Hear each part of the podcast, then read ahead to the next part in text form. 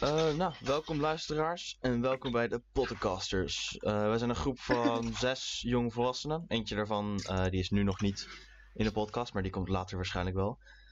In deze podcast gaan wij een paar uur kletsen, discussiëren, lullen, alles ertussenin zo'n beetje. En nou, la laten we gewoon beginnen met een kort voorstellingsrondje.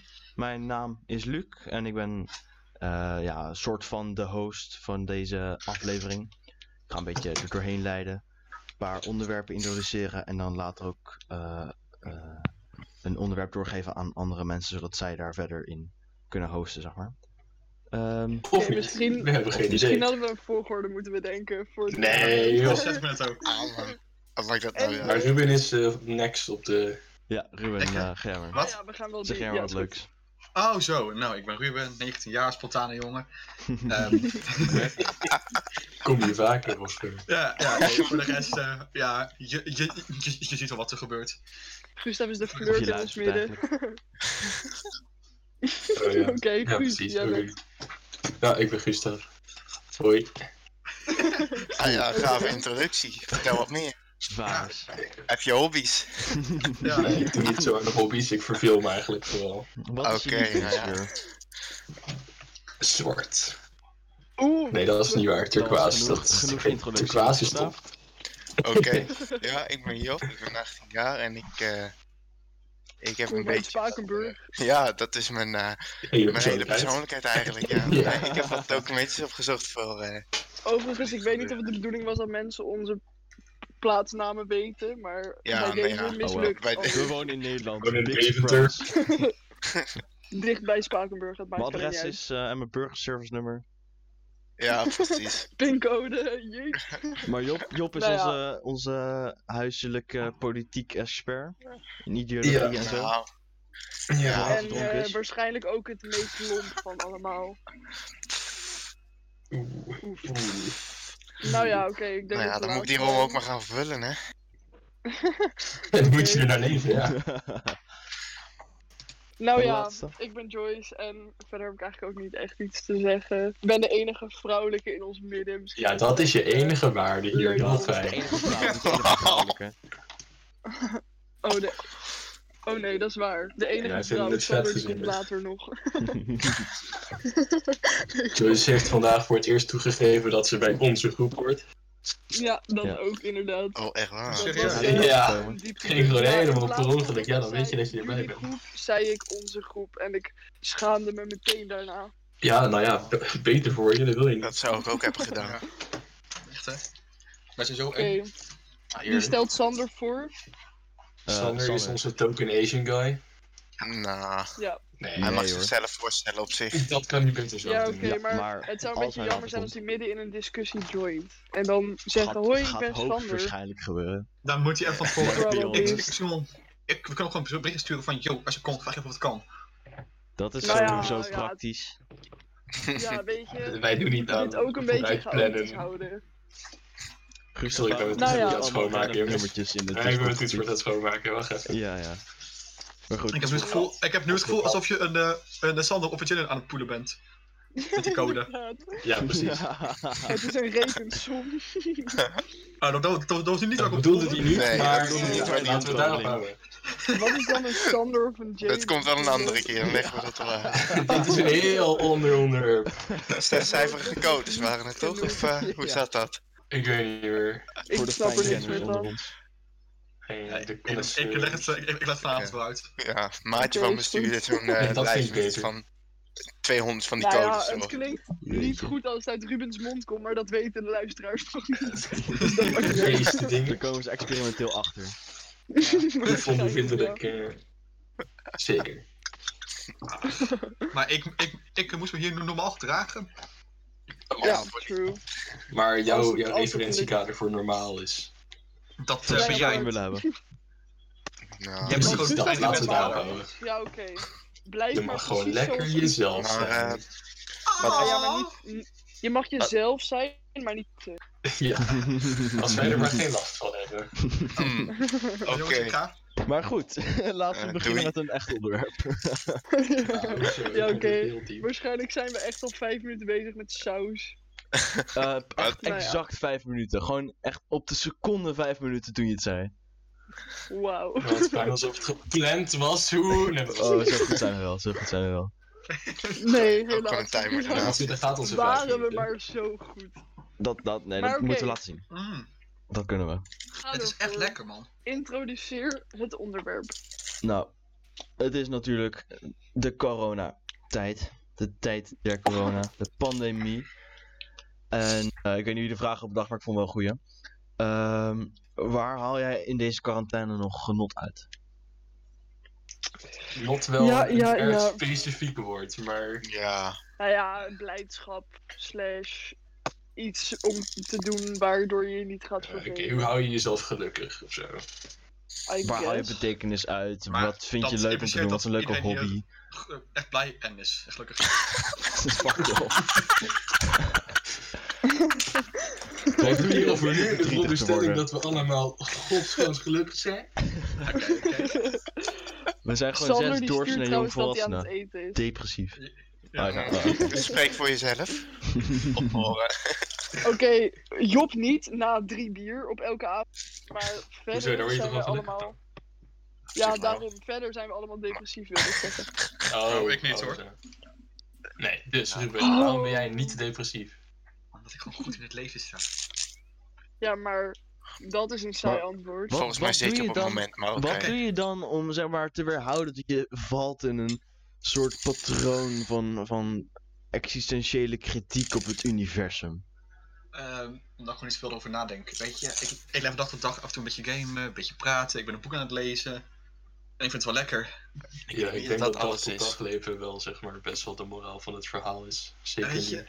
Ja, Nou ja, weet je, ik ben gewoon blij met hoe het gaat. Ik probeer af en toe nog een beetje naar buiten te gaan. Ondertussen met een beetje, beetje, beetje mijn zusje hardlopen of zo, of I don't know.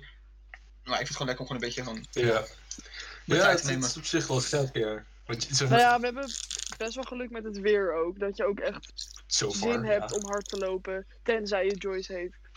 Maar verder hebben mensen zin om hard te lopen. Ja, ja, ja. eh, Maar op zich, ja, ik vond het nog best gelijk, want je kan gewoon niks vooruit plannen. Dus je moet inderdaad van dag tot dag leven. ja. Ja, op zich. Maar dingen als... Zeg maar, ja, je mag niet met vrienden afspreken, maar je zou wel een rondje kunnen lopen. Dat zou je natuurlijk vooruit kunnen plannen, maar meestal wordt het Ja. inderdaad op de Ja, oké, dag maar dat, zeg maar meer dan like, vier dagen en zo wordt. Je mag Nee, wel dat met mensen afspreken, maar je moet gewoon afstand houden. En niet Ja, oké, maar ook echt maar met z'n tweeën. Zodra je met drie gaat, is het in principe verboden. En het gebeurt ook überhaupt niet zo vaak als het, als het voor corona zou gebeuren. Ik bedoel, wij hebben nu Nee, één true. podcast op maandagavond die we dan hebben gepland eh, een tijdje van tevoren. Maar veel Ja. meer dan dat wordt het voor mij ook niet echt voor, voor meer dan een paar dagen. Voortgekomen Nee, uit een compleet gebrek aan dingen te doen hebben. Ja, zeker. Wat natuurlijk op zich best prima is. Nou ja, ik denk inderdaad wel. Normaal hadden we natuurlijk dagenlang op school gezeten. En dat was helemaal wack geweest. Maar nu we echt vrij hebben, merk je dat je niet zoveel kan doen als je niet echt met je vrienden af kan. Althans, ik merk dat. Maar Druk. ik weet niet, veel doen, mensen Nou die ja. gamen ook wel veel. Maar ik deed Ja, dat ik stoor me er ook wel aan. corona niet. Aan? Dat je weinig met, eh, met, met je vrienden kan doen? Ja, dat ja, nou ja, zeg maar gewoon dat je iets kan roepen van hé hey, yo, wie komt dit doen? En dat je toch al, nou ja, in de eerste Maar- plaats zeg maar weet dat het eigenlijk slimmer is om het niet te doen. En twee, dat van heel veel mensen, nou ja, op zich goed de verantwoordelijkheid he- nemen om niet mee te gaan. Want het is gewoon, ja, risico. En waarom zou je risico nemen als het niet per se hoeft? Ja. Oh, dat, dat is ook een mooi onderwerp om over te praten. Schrijf hem op. Ja. Schrijf hem op. ja, true. Maar in ieder geval voor, eh, zeg maar voor deze coronatijd was het inderdaad bijvoorbeeld na de PBS-presentaties dat we gewoon konden zeggen, yo, wie komt er over een uur? En dat kan nu niet één, Ja, dat omdat het vind ik wel echt dicht naar, ja. is. Ja, En twee, omdat het gewoon niet mag. ja. ja. Maar ik Ja, heb dus ook echt wel veel te veel tijd op een dag om niet iets met vrienden te gaan doen. En dan moet het wel online. Ja, Ik vind Ja. een uur om te gaan poelen best wel snel eigenlijk. Dat is ongeveer mijn reistijd. ja. Ja, maar toevallig dan, als je dan Maar- vanuit school komt, dan ben je allemaal al op dezelfde plek. Ja, je Dus kan dan geen het spontane dingen meer doen. En ja, gewoon uitgaansgelegenheden zijn er gewoon niet. Ja. Nee, Ja, zeker wordt met dit heel lekkere weer. Nou ja, op zich Normaal zijn wel mensen met zeggen- privébarretjes. Ja, Ja, nou ja, oké, maar dat is- maar gewoon niet de bedoeling. En wij leven niet in Spakenburg. Hey, Hey, daar is hij. Hey. Sander. Goeiedag Sander, introduceer jezelf even. Kort zinnetje, wie jij bent en waarom. Hi, ik ben Sander en ik ben Senpai. Wat een Oh, kort amazing. en bondig Oké. verhaal was dit. Bedankt. De enige Aziat in de groep noemt zichzelf Senpai. Het is wel even typisch, hè? We hebben een vrouw en die is Dat is vrouw. niet racistisch. Dat, dat We hebben een Aziat en die is een senpai. Maar ja, op Ik ben een zich. communistie. Ja, oké. Ja, maar dat nou dus we gaan goed. Heb je Sir League. Ja, ik moest er een is ja, ik, kan mezelf niet eens een nickname geven, volgens mij. Ja, Tuurlijk wel. Jawel, Jawel, dat kan iedereen. Of misschien Je ben ik gaat naar rechts je. Ja, kan. Oh. Jij ben bent natuurlijk gewend dat je, gewoon, dat je gewoon alle rechten hebt, maar Nu kan je dingen Maar doen. ja, op zich, eh, Gustav is gewoon een Einstein van Wish besteld. Dus eh, Oef, En oef, wat? oef. Einstein van Wish. mijn vis is, Oh. is Wish is zeg kwaliteit. maar Een burn for Wish en een burn voor Gustav. Hoe is dat een burn for wish? Ik zou hartstikke blij zijn. Als je mensen als Gustav... eh, Echt, Nou, Het is wel zo dood. Het is Wish best wel is geen kutsite. Mijn oorbellen komen van Wish. ja, ben je het er blij een mee? kutsite dus. Wat? Ja, ik ben er heel blij mee. Ik draag Moeten wij ons nu gaan afvragen? Heb je wel importkosten betaald? Nee, maar... Ja, Hebben zij wel importkosten betaald? Ja, waarschijnlijk Ik niet. ga je vertellen, dat hebben ze niet. Maar hoeveel dingen Ah, heb jij dan van Wish besteld? Ik Zie je hè? Gustav? Ik Ja. had het voorspeld. Ik denk zo'n... eh nou, wel een aantal dingen. Ik denk vijf, zes keer of zo. Zijn ze ook allemaal aangekomen? Ja, bij mij wel. Ah. niet. Maar ja, ik denk dat ik dan precies de juiste dingen bestel of zo. Zou kunnen. Hm. Want het is inderdaad van- bij mijn broertje bijvoorbeeld best vaak gebeurd dat het niet aankwam. Ja. Sucks to be him. Maar die importkosten als je uit Azië bestelt of uit een andere werelddeel zijn volop kut. Want ik, ik wilde bijvoorbeeld eh, zo'n merk headgear uit Japan laten komen. En die is normaal 400 dollar. Maar met importkosten en BTW wordt die al 550. Dus Ja, dat is oké. echt een stuk meer geld. Ik heb mijn laptop vanuit Amerika besteld en die importkosten waren 200 euro. Nee, ik heb echt Jee. stukken besteld. Was ook echt goed 80 euro of zo. Mhm. Dat is Ah. mooi balen. Nee, maar waarom het waard, zoveel geld? Ik bedoel, alle belasting erbij en dan... Is dat allemaal travelkosten of zo? I guess. En Ja, de BTW en zo. BTW, Ja. En ze willen natuurlijk ook nog winst maken, flink. En administratiekosten heb je ook nog. Die moet je ook betalen. Die kun je ook gewoon instoppen. Maar hoeveel werkuren zouden erin steken om bijvoorbeeld een laptop vanuit Amerika naar Europa te brengen? Niet 200 wel euro aan werkuren, toch? Nee, oké, maar dat werkuren zijn een deel van de kosten die je erbij krijgt. Zeg maar, je Ja, moet tuurlijk. nog meer kosten. Maar ik denk oké, inderdaad dat niet waar. dat die 200 euro, dat ze daar totaal geen winst mee hebben gepakt. Nee. Maar ik denk ook niet heel veel, want ze pakken natuurlijk vooral winst met de laptop zelf. Maar die importkosten zijn ook in principe winst niet van de laptopmakers, maar van de overheid. Ja, het is sowieso bizar dat je iets van de andere kant van de wereld naar jouw huis kan laten komen. Ja, en op dan ook nog al- zijn dat je ervoor moet Met een paar betalen. klikjes. Ja. Een Ja, deel van de prijs. Ja, Maar oké, Sander, wat doe jij om jezelf gelukkig te houden tijdens deze quarantaineperiode? Dat is een... Oh, wauw, ja. Ehm, ik heb echt de laatste paar weken helemaal niks gedaan. Dus ik zit zelf ook een beetje naar het antwoord op die vraag te zoeken. Nee, maar je hebt vast wel Ja, iets gedaan, toch? Ik bedoel, je, je, je leest volgens mij, eh, hoe heet het? Manga en zo. Ja, ik lees anime en ik kijk manga. Nee, maar... Nee, maar ja, ik, ehm, ja, ik zit echt wel veel dat te doen nu. Maar dat is gewoon meer van. Het is deel van het leven nu. Het is net als ademen. Het is zo natuurlijk geworden dat het gewoon nu entertainment is, weet je wel. ja, manga. Nee, maar echt. En Ik weet dat je je positie in deze groep wel solide maakt. Eet zo. manga. ja, maar geen probleem. Het is duidelijk. Nee, maar het is gewoon. Het geeft niet meer als het, maar als het wel echt een goede show is. Of Je echt een goede manga, maar. Oh ja, ja, je sorry. hebt Ja. veel weg inderdaad. Moet je even je... Ja, het geeft niet zoveel plezier, weet je wel, zoals ehm, andere dingen me zou doen. Ja. Of zoals het vroeger deed. Dus ik zou niet zeggen dat het echt veel plezier gaf. Om de tijd Ja, is- dat is inderdaad is wel geen- jammer. Ik heb bijvoorbeeld nam ik best wel vaak de tijd om te gaan schilderen. En dat vond ik dan super leuk. Maar nu ik de tijd heb, haal ik er toch wel echt veel minder genot uit. Ja, Dat Dat is Ja. toch wel jammer. Ja, Je weet gek. de anime is geen genot meer, het is meer een levensbehoefte geworden. Zeg maar, je schilderij moet wel goed worden als je eigenlijk de volgende dag een scheikundetoets hebt.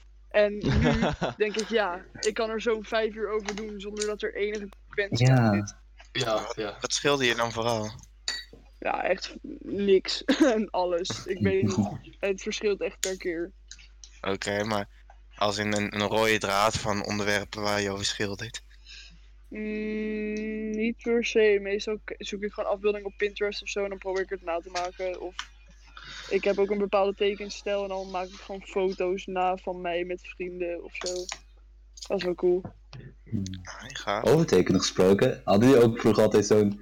Nou, hadden jullie zo'n tekenfase van dat je helemaal creatief was en zo, crea, bea, en al dat goed doen. Stil in. Ik was, ik was wel crea, maar ik ben nooit een bea geweest. Alles wat van hem motoriek vereist kan ik niet. Ja, nee, ik heb echt bijna Ja. nooit getekend. Denk ik. Nee, nooit. Ja, ik heb veel te veel getekend. Nee, Ja, precies daarom zoveel als je inderdaad. En daarom heb je een mooi handschrift. Zo Heeft u staat een mooi handschrift. Ik weet niet of je dat mooi kan doen. Omdat je zo denk fijne niet dat zou doen. Maar oké, het handschrift van Ruben is wel echt vele malen erger. Daar ben... Ja, maar ik ken ook mensen die nooit hebben getekend en toch wel echt duidelijk beter schrijven dan ik. Ja. Iedereen, zeg maar, namelijk. Ja. Dat is wel waar. Je handschrift is wel echt een ramp hoor. Dus, eh, Ja. Ze- en mijn Jaden heeft ook best wel goed leren tekenen, hè? Ja, dat weet ik Ja. Daar gaan we het niet over hebben. Ik ben echt zijn grootste fan nu. Ja, Ik snap er helemaal niks Nee, van. Ik dit- dat Dat is gaan we zo houden, eh, Jalen Jalen betekent bepaalde soort dingetjes die ehm, Je- niet veilig voor het werk zijn. ah, Jij- gewoon is hentai. Oh. Huh, maar het zijn Gewoon- not safe for work ding gestuurd. Nee. Ja. Wil je die hebben? Nee. Want ik kan je Nee. krijgen. Nou, ik ben best wel benieuwd eigenlijk. Ruben draait er een beetje omheen, maar Jalen tekent gewoon moederdikke hentai. en- Als podcast host is- is- heb ik een veto over dit onderwerp. Oké. Dus we gaan door. Oké. Een ander onderwerp, een ander onderwerp. Job, zei je nou moederdik trouwens? Nee, dat gaan we, we gaan gewoon niet, terug, niet terugkomen. Dat zei hij niet, hoe bedoel je? Oké, hij zei het dus echt af en naar. Oké. Oké, ander onderwerp. hey, het is gestuurd. Gooi het. Oké. Jullie Oh my negeren mijn vonnis. Dit zal jullie, zullen jullie moeten betalen met de dood. Oh shit. Ik zat ernaast toen ik dat maakte, joh. maar, ja. Naast wie zat je? Naast Ik zat naast Jalen toen hij dat maakte. Ik ben blij dat ik heb Waar besloten om dan? niet Discord te recorden. Dat is maar een goede keuze ook. Ja. Oké, breng ons naar het volgende, volgende onderwerp op, Reësser. Nou, Ruben die had het net over risico ontwijken. Nou, hij zei dat hij dat wel ontwijken. een interessant onderwerp vond. Maar Ja, op vroeg me af op wat voor Specifiek manier. in corona of gewoon überhaupt? Ik weet niet. Nou, Eh, Ruben, neem woord? aversie. Nou, ik, neem, ik zou zeggen dat het gewoon beide kan. Als in dat je vanuit eh, over het algemeen kan kijken naar hoe je er speciaal in, in corona mee omgaat. Als er speciale omstandigheden zijn. Ja, als het, als, het, als het puur zou gaan om jou alleen, dus je zou niet andere mensen kunnen infecteren, zou je je dan houden aan de richtlijnen van het RIVM? Nee, definitely niet. Zeker. Zou je het Eh, risico nemen? Tot, tot, tot op enige hoogte. Maar ik kom sowieso Ja, niet oké, veel buiten, dus... Maar ik zou wel zeker gewoon met vrienden afspreken als Ja, ik geen maar risico had om andere mensen aan te ik steken. zou niet rennen met mensen gaan, eh, gaan tongen of zo. Nee, Nee, maar, maar wel, dat dat doe je sowieso niet, maken. Dat, Oh, sorry. Nou, Dat is zeg maar gewoon een principe wat je hebt. En dat heeft inderdaad niks met corona wij als normaal beschaafde mensen. nee, maar nu, nu zeker niet. Nee, maar Ja, ik, ja, fair als je... ik denk- Nee, sorry, hoezo vader. nu zeker niet als je zeg maar... Waarom zou je dat nu zeker niet doen als je geen risico hebt om anderen te infecteren? Omdat ik ook zelf geen zin heb in, in corona. Ja, oké, maar anderen Dat zouden risico dan... wordt dan niet minder, nee, sure. Ja, nee, oké. Maar ik denk ook zich, niet dat als ik je het überhaupt zou doen. Eh, Gewoon überhaupt meer naar buiten zou Nee. gaan of meer met vrienden om zou gaan als Nee. andere mensen zou infecteren. Niet omdat het dan mijn directe omgeving zou be- beïnvloeden, maar omdat je ook rekening moet houden met het feit dat andere mensen dat dan ook zien en dat dan als norm gaan beschouwen. Als andere mensen Ja. zien van, oh, hey, daar is een groepje, eh, groepje mensen gewoon naar buiten aan, aan het spelen en zo. En het gewoon leuk aan het hebben. Ik wil dat ook. Laat ik dat ook gaan doen. Want blijkbaar zijn Maar die Ja, richtlijnen niet Dan, dan, belangrijk dan genoeg wordt voor de hen. voorbeeldsituatie scheef, want als niemand een ander kan infecteren, dan is er geen infectie meer. Nee, maar dit, Nee, dit ging alleen maar over dat, dat eh, wij specifiek niemand meer kunnen infecteren. Ja, dat wij Hmm. iemand kunnen infecteren, Wij maar als dat groep, andere mensen nog wel besmettelijk zijn. Maar ja, ik zou het wel lastig vinden, want zeg maar, ik heb zelfs nu Hmm. al zoiets van, het is toch een beetje vervelend om de hele tijd binnen te zitten. Mhm. En de Nee. kans dat ik mensen infecteer is echt nihil, zeg maar. Nou, Dus echt. dan- eh, nee. Ligt er Nee, niet ik zeker weet- je bent, ja. ja. Ja, dat valt best Nee, wel maar mee. als ik weet vrij zeker dat ik geen corona heb. Ja. Ja, Ja, maar het heeft Ja. incubatietijd van twee weken, hè? Ja, Ja, inderdaad. weet ik. Maar Maar als er twee weken ik binnen heb zit. in de afgelopen twee weken zeg maar niemand gezien die ik in de weken daarvoor ook niet heb gezien. Ja, maar die mensen kunnen in de tijd ook eh gewoon Ja, maar- krijgen. Ja, en het Ja, punt is dat dat het is echt waar. veel te makkelijk kan gaan. Ja, precies. En zo- die kans is klein, maar de kans de bestaat kans- nog steeds. Ja, de kans bestaat wel, maar daarom zeg ik ook dat hij gewoon vrij klein is. Nee, en- precies. Ik vind het echt verrassend moeilijk om toch de hele tijd de verantwoordelijkheid te nemen om binnen te blijven. Ja, ja, Ja. dat snap ik. Het is ook Klinkt toch wel een beetje als een first world problem, moet je het zijn. Maar ja, het is ook. ook. Is het ook. het is ook een first world problem, maar alsnog, zeg maar, het is wel mijn first world pro- eh, problem. Maar momenteel heeft elk land eigenlijk wel dat probleem. First rule of niet, Ja, want iedereen strijdt Ja, ik ben wel benieuwd eerlijk hoe het in Afrika gaat. Ja, Volgens mij is het nog best wel, eh, best wel goed. Maar ja, dat snap ik, met, maar ik kan me eh, voorstellen dat dat toch wel echt goed uit de hand kan lopen. Mhm. Ja, Ja, absoluut. Maar ik denk dat ze daarom juist daar heel erg letten op dat het daar echt niet moet komen. Maar dat is al Ja, te laat maar volgens ik mij. Als denk dat dat 80 landen vrij onvermijdelijk is. M- En ik Ja, denk dat het misschien. juist het risico is dat het zo laat is. Want dat... Ik bedoel, oké, sure, onze curve wordt afgevlakt. Maar als hun curve een stuk later begint... Ja. En hun grenscontroles zijn duidelijk niet zo strikt als die van, neem bijvoorbeeld Amerika of zo. Ja. Om nog maar te zwijgen over wat er überhaupt in Afrika zelf gebeurt. Want ik kan me voorstellen dat dat ook geen pretje zal zijn. Ik bedoel, er was zo'n reportage van Nieuwsuur of zo over Laos of zo, weet je wel. En dan over steden van 20 miljoen. Ja, precies. Voor drie kwart uit sloppen bestaan. Die Dat mensen is- zwemmen in elkaars water als ze Ja. fucking over willen steken, weet je. Ja. Ja, dat en daar is infectiekans is praktisch 100%. Dat Ja, is. Gewoon is een beetje de vraag hoeveel mensen er doodgaan. Dat Maar is hoe de zo- zwarte Ja, ja, maar dood is verspreid. Ja, ja, maar oprecht wel. En het is daar. En het was wel een heel ja, duister, weet je wel. Want ze hadden de analogie van ja. Dat eh, quarantaine heel erg een luxe ding is daar. Want echt alleen maar rijke mensen kunnen zich veroorloven om te hamsteren en Hm. om in hygiënische omstandigheden te leven. Jezus. Die zijn gewoon Nou ja, zeldzaam daar. Daarbij vraag ik me ook af, als ze daar wel nog steeds het eten, zeg maar, als ze daar nog steeds voor moeten betalen, bijvoorbeeld. Als mensen daar stoppen met werken omdat het zogenaamd geen vitale beroepen zijn, bijvoorbeeld, dan stort het gewoon helemaal in. Ja, dat doet het ook al. komen, ja. Dat doet het ook al in, in Ja. India bijvoorbeeld. Want er was dus eh, laatst een lockdown eh, ingesteld. Alleen Mhm. in India heb je heel erg het probleem dat mensen in andere steden werken dan ze wonen. Dus echt best wel een tijdje met de trein of met de auto moeten reizen voordat ze bij hun werk komen. En als je Ja. dan in de ochtend naar je werk toe gaat en in de avond wordt een lockdown gevestigd, dan werkt OV niet meer. Past niet meer in een lockdown. Dus dan moet je naar huis lopen, omdat je daar, je kan daar niet blijven slapen bij iemand. Dat zit er al overvol. Je hebt daar geen eten, je hebt er geen geld, want je familie woont thuis. Dan moet je gewoon echt naar huis lopen. Holy shit. Ja, in die Dat is zin is echt Nederland best een, best een gelukkige plek om te Nu te zijn. Ik, Maar dat in Zweden gaat het natuurlijk wel heel soepel, maar ik denk dat Ja. het in Nederland op zich best prima dat is- aanpakt. dat is- dat is over algemeen, hè? die we hebben. Rijke landen hebben het sowieso. Ja, is Nee, ja, maar ik vraag me dus best wel af hoe groot het contrast is met De, die überhaupt al armer waren.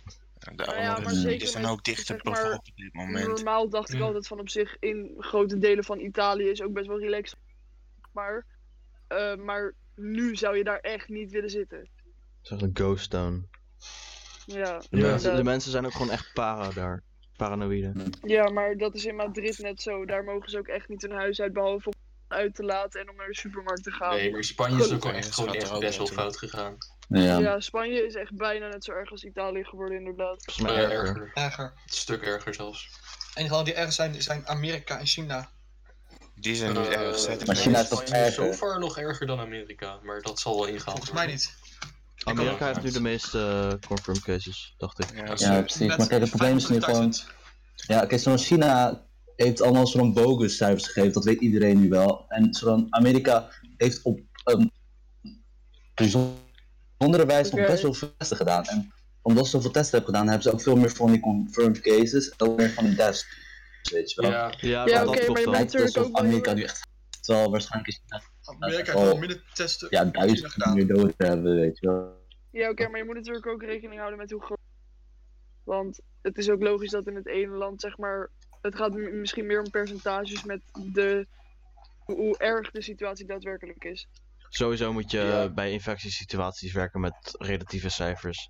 En niet absoluut. Ja, inderdaad.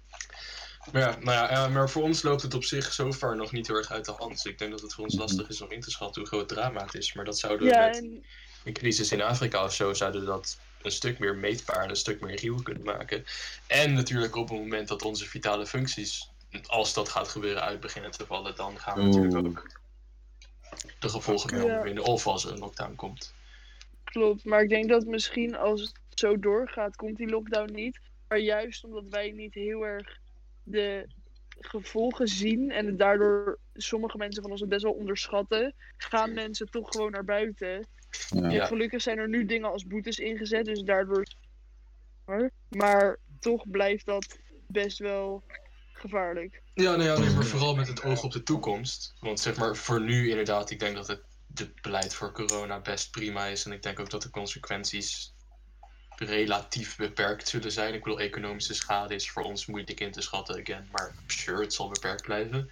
Maar zoals al twintig jaar geleden al gesteld was met het oog op globalisering. Virussen zijn gewoon echt een groot risico. En als er een nog fataler virus komt dan corona, wat weet ik veel, makkelijker airborne is of zo, dan moeten supermarkten sowieso ook dicht. En dat is in Nederland. Wij hebben prachtige gezondheidszorg, OV en alles. Dus ik kan me voorstellen dat een land, een tweede wereldland zelfs, weet ik veel, Oost-Europa ook al, gewoon compleet dicht gaat en half uitsterft. Juist een hogere uh, doodsaantal is, is, kan ook iets goed zijn, hè? Omdat er minder mensen Ja, nee, ja, dat is, ook, sure, dat maar- is ook de reden waarom ebola nooit echt groot is geworden. Dat gewoon mensen gewoon simpelweg gewoon dood gingen voordat ze Ja, mensen als het fataler is, is het in die zin beter. Maar wat ik zeg bijvoorbeeld met dat het meer airborne is of zo. Ja. Ja, dat dit heeft ook een lange incubatietijd. Hè? Dus mensen hebben langer geen gevolgen. Ja, kunnen dat soort Alleen, vervelende eigenschappen. K- Virussen ontwikkelen gewoon veel te snel. En met de hoeveelheid globalisering die we nu hebben, Ja. was onze, onze lockdown-achtige dingen waren best wel snel op zich. Ja, Maar zelfs dat- van die, wat vonden jullie nee. van die... eh, die mensen eh, onderstelden ook dat de, de- gewoon de lockdown niet meer echt Dat is heel veel nut heeft. Zonder Want uiteindelijk zal het toch wel verspreiden. Sander, Ja, valt echt de tijd ja, weg. zeg dat de Ja. lockdown zowel niet heel veel. eh, Anders typ je gewoon het Nee. nee. zoals je dat wil zeggen. Ja, goed. Dan. Nee, wat versta je me nu wel? Nee. Nee, misschien die moet je even reconnecten of zo. Even je wifi opnieuw aan- instellen. Erg. Ja, of 4G. Alleen, eh, wat vonden jullie van die... eh, ah. van dat eh, artikel over die Ogen. conductrice die in de gezicht gespuugd en geslagen was door een man? Waarom? Dat was hier in Amersfoort Centraal. Dat was eh laatste zaterdagmiddag. En dat was omdat ze in zijn richting keek. En die man zei toen: Hier staat het.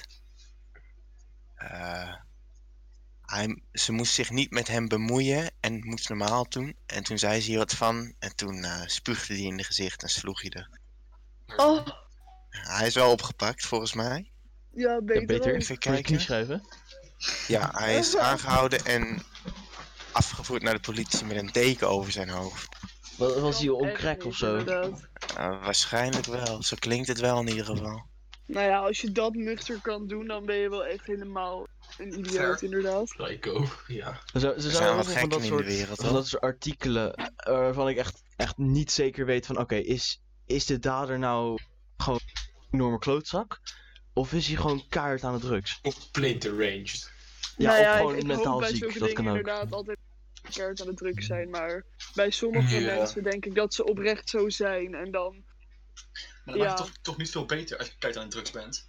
Dat is juist een, Nou ja. een ander probleem, zou ik zeggen. Nou ja, dat is Ja, de ander main... probleem, klopt. ja, maar Of dan, dan is is dat, het niet dan jou, is dat inderdaad een ander probleem, maar dan zouden ze nog maatregelen kunnen nemen met dat hij af moet kicken of whatever. En Voor- als je daadwerkelijk zo bent, dan is de enige optie is of jarenlang in de gevangenis om mensen te beschermen of zo. Ja, Kan je echt zo zijn? Ja, voor mij Ja, is het verschil tussen, tussen aan de druk zijn en gewoon zoals persoon zijn, is dat ik gewoon echt twijfels heb bij de mensheid als iemand daadwerkelijk zo is. Ja, Ja, nee, precies, maar maar, dat bedoel ik. Kan, kan je zeg maar in... is- Nou ja, waarschijnlijk niet. Nou ja, maar dat niet. Maar dan heeft iemand een zieke stoornis, maar dan is diegene alsnog zo. En de enige manier om daarvan af te komen is iets van TBS of zo. Maar, Ja, mensen voor iemand spugen, of voor iemand bespugen en slaan, ga je niet naar een TBS-kliniek. Dus Ik denk Ja. niet dat het per se een stoornis hoeft te zijn.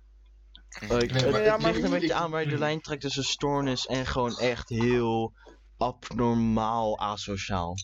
Nee, precies, dat bedoel ik. Dan kan je Ja, mentaal maar- gezond zijn en dat doen? Ik denk het niet. Nou ja, mensen doen het heel veel dingen voor verschillende redenen. Ja, Misschien nee, is sure, de dag daarvoor zijn vrouw dood gegaan en heeft zijn vriendin eh, Ja. een miskraam gehad. Zijn vrouw dood in een miskraam? Ja, ik neem al aan dat hij een klootzak is. Ja. Oké, oké. Oké, oké. Maar inderdaad, ja, oké, misschien. Dat, maar ja, dan zou het op dat moment een. Niet per se stoornis, inderdaad, maar iets van een. Eh, Gewoon dat hij is doorgeslagen. beperkende factor zijn. Nog steeds, dan heeft hij geen echt een mislukte karakter. Ja, absoluut. Ja, niet, niet als het inderdaad een hele ongelukkige samenkomst is van allemaal factoren. Ja, maar nog steeds, al Ja, was het een ongelukkige samenkomst. Het is zo gek dat je dan zulke acties onderneemt om Mm. dat zo te uiten of zo. Of Als iemand gewoon in zijn gezicht spuugt en slaat zonder echte reden daartoe, dan, Ja. eh, dan zit er Ja. iets niet goed in je hoofd. Hoor. Ik vind wel het Ja, het echt bizar. Ja, zeker in deze tijd van corona kan je dat gewoon niet doen. Nou, gewoon, Mhm. gewoon over het algemeen. Ja, over het algemeen, absoluut. Maar juist nu is het nog. Dat is sowieso Extra. fucking strafbaar, toch? Ja. ja, nu Die wel. biologische oorlog Zelfs dreigen met iemand in zijn gezicht spugen is volgens mij al strafbaar, omdat het effectief een doodsdreiging kan zijn. Ja. Ja, misschien nu inderdaad, maar. Nee, volgens mij, niet, nee, volgens mij is dat gewoon zo. Ja, want Maar dat gaat dan ook voor iemand je altijd Ja, ja, infecties zeker. bijdragen. Dat zie ik ook wel als binnen anderhalve meter, ja, inderdaad. Maar Nu we het toch over corona nog steeds hebben. Wat heeft en over de financiële. Je valt steeds weg. Wat de. Misschien even je wifi aan uitzetten of zo. denk Heb ik al. Oh. Oh man, dat is, dat is kut. Heb je geen Ja. 4G of zo? Ja, oh, dat is een goeie. Dat zou ik doen. Maar ik wou eigenlijk er aan gedacht? Ja, wat, vind je de van de cocaïne. eurobonds? Oké, ehm, Oh, dat, dat is wel een goede vraag. Heeft iemand Wat hier economisch van wat? inzicht? Van de euro. Waar? Oh. Eurobonds? Eurofonds weet dat. ja, Oh. Sander weet er wat Eén over. seconde. Heb Eurobonds geen weet dat inzicht. volgens mij. maar ik kan zeggen dat ik er geen fan van ben. Omdat ik het vind dat... Ja, het klinkt heel bot, maar... ehm, ik denk dat steun goed is. Of, of, of, of zoiets als een gift en geen lening. Want we toch weten dat we geld nooit, eh, nooit eh, terug gaan krijgen. Kijk, kijk maar naar Griekenland. Ja, dus een, een lening aan Italië zou waarschijnlijk ook gewoon een gift zijn. Op, lang, op lange termijn. Maar eurobonds dan, het enige wat er daarvoor zorgt is dat Italië nog makkelijker kan... eh, ja, kan het is gewoon een slecht idee, ja. Ja, ik heb er Maar ja, heel wat is het eerlijk niet alternatief? zoveel verstand van. Het alternatief het is, is dat er scheiding in de EU, dat of sterke aanscherping van beleid in Italië en Zuid-Europese landen. Maar dat gaat sowieso niet gebeuren, want die politici Nee, dat gaat die niet daar gebeuren, want die dat is helemaal niet het doel gewoon- daarvan. volgens mij is het doel van die eurobonds meer om eh, op lange termijn te zorgen dat het volk van Italië waarschijnlijker zal stemmen op diegenen die dat voorstellen. Omdat die politici zijn van ja, ja wij, eh, dan, dan een beetje populistisch dat ze het volk gaan opjutten van ja, wij zijn er voor Europa, dan is Europa er niet voor ons. En dan, dan, dan eh, geven wij een compromis het- en dan nemen ze dat niet. Eh, stem voor ons, wees fascistisch, zoiets. Ik, Ja, dat, daar komt Ja, het ik- op ik- neer. ik weet er Ja, niet zoveel van die eurobonds af, dus wat, wat houdt het eigenlijk Nee, in? ik eigenlijk ook niet. Het idee van eurobonds is dat, ehm, dat, dat, dat, dat, eh, dat bijvoorbeeld de, als Italië en Ne- Nederland, of gewoon aan de hele EU, dat ze niet met z'n allen een lening kopen. Maar op dit moment heeft Italië een niet zo goede eh, kredietscore. Dat betalen ze relatief veel rente. En Nederland en Duitsland hebben een relatief hoge kredietscore. En een goede kredietscore betalen ze relatief weinig rente. Dus hier doet- Ja. heeft, kan Nederland goedkoop lenen, Italië kan duur lenen. Als Nederland en Italië samen gaan lenen, door de middel van die eurobonds bijvoorbeeld, betalen Nederland iets meer rente en Italië iets minder rente. Oké, Ja, Mhm. oké. maar dat is dus ik een heb beetje er niet per se een mening iemand- over.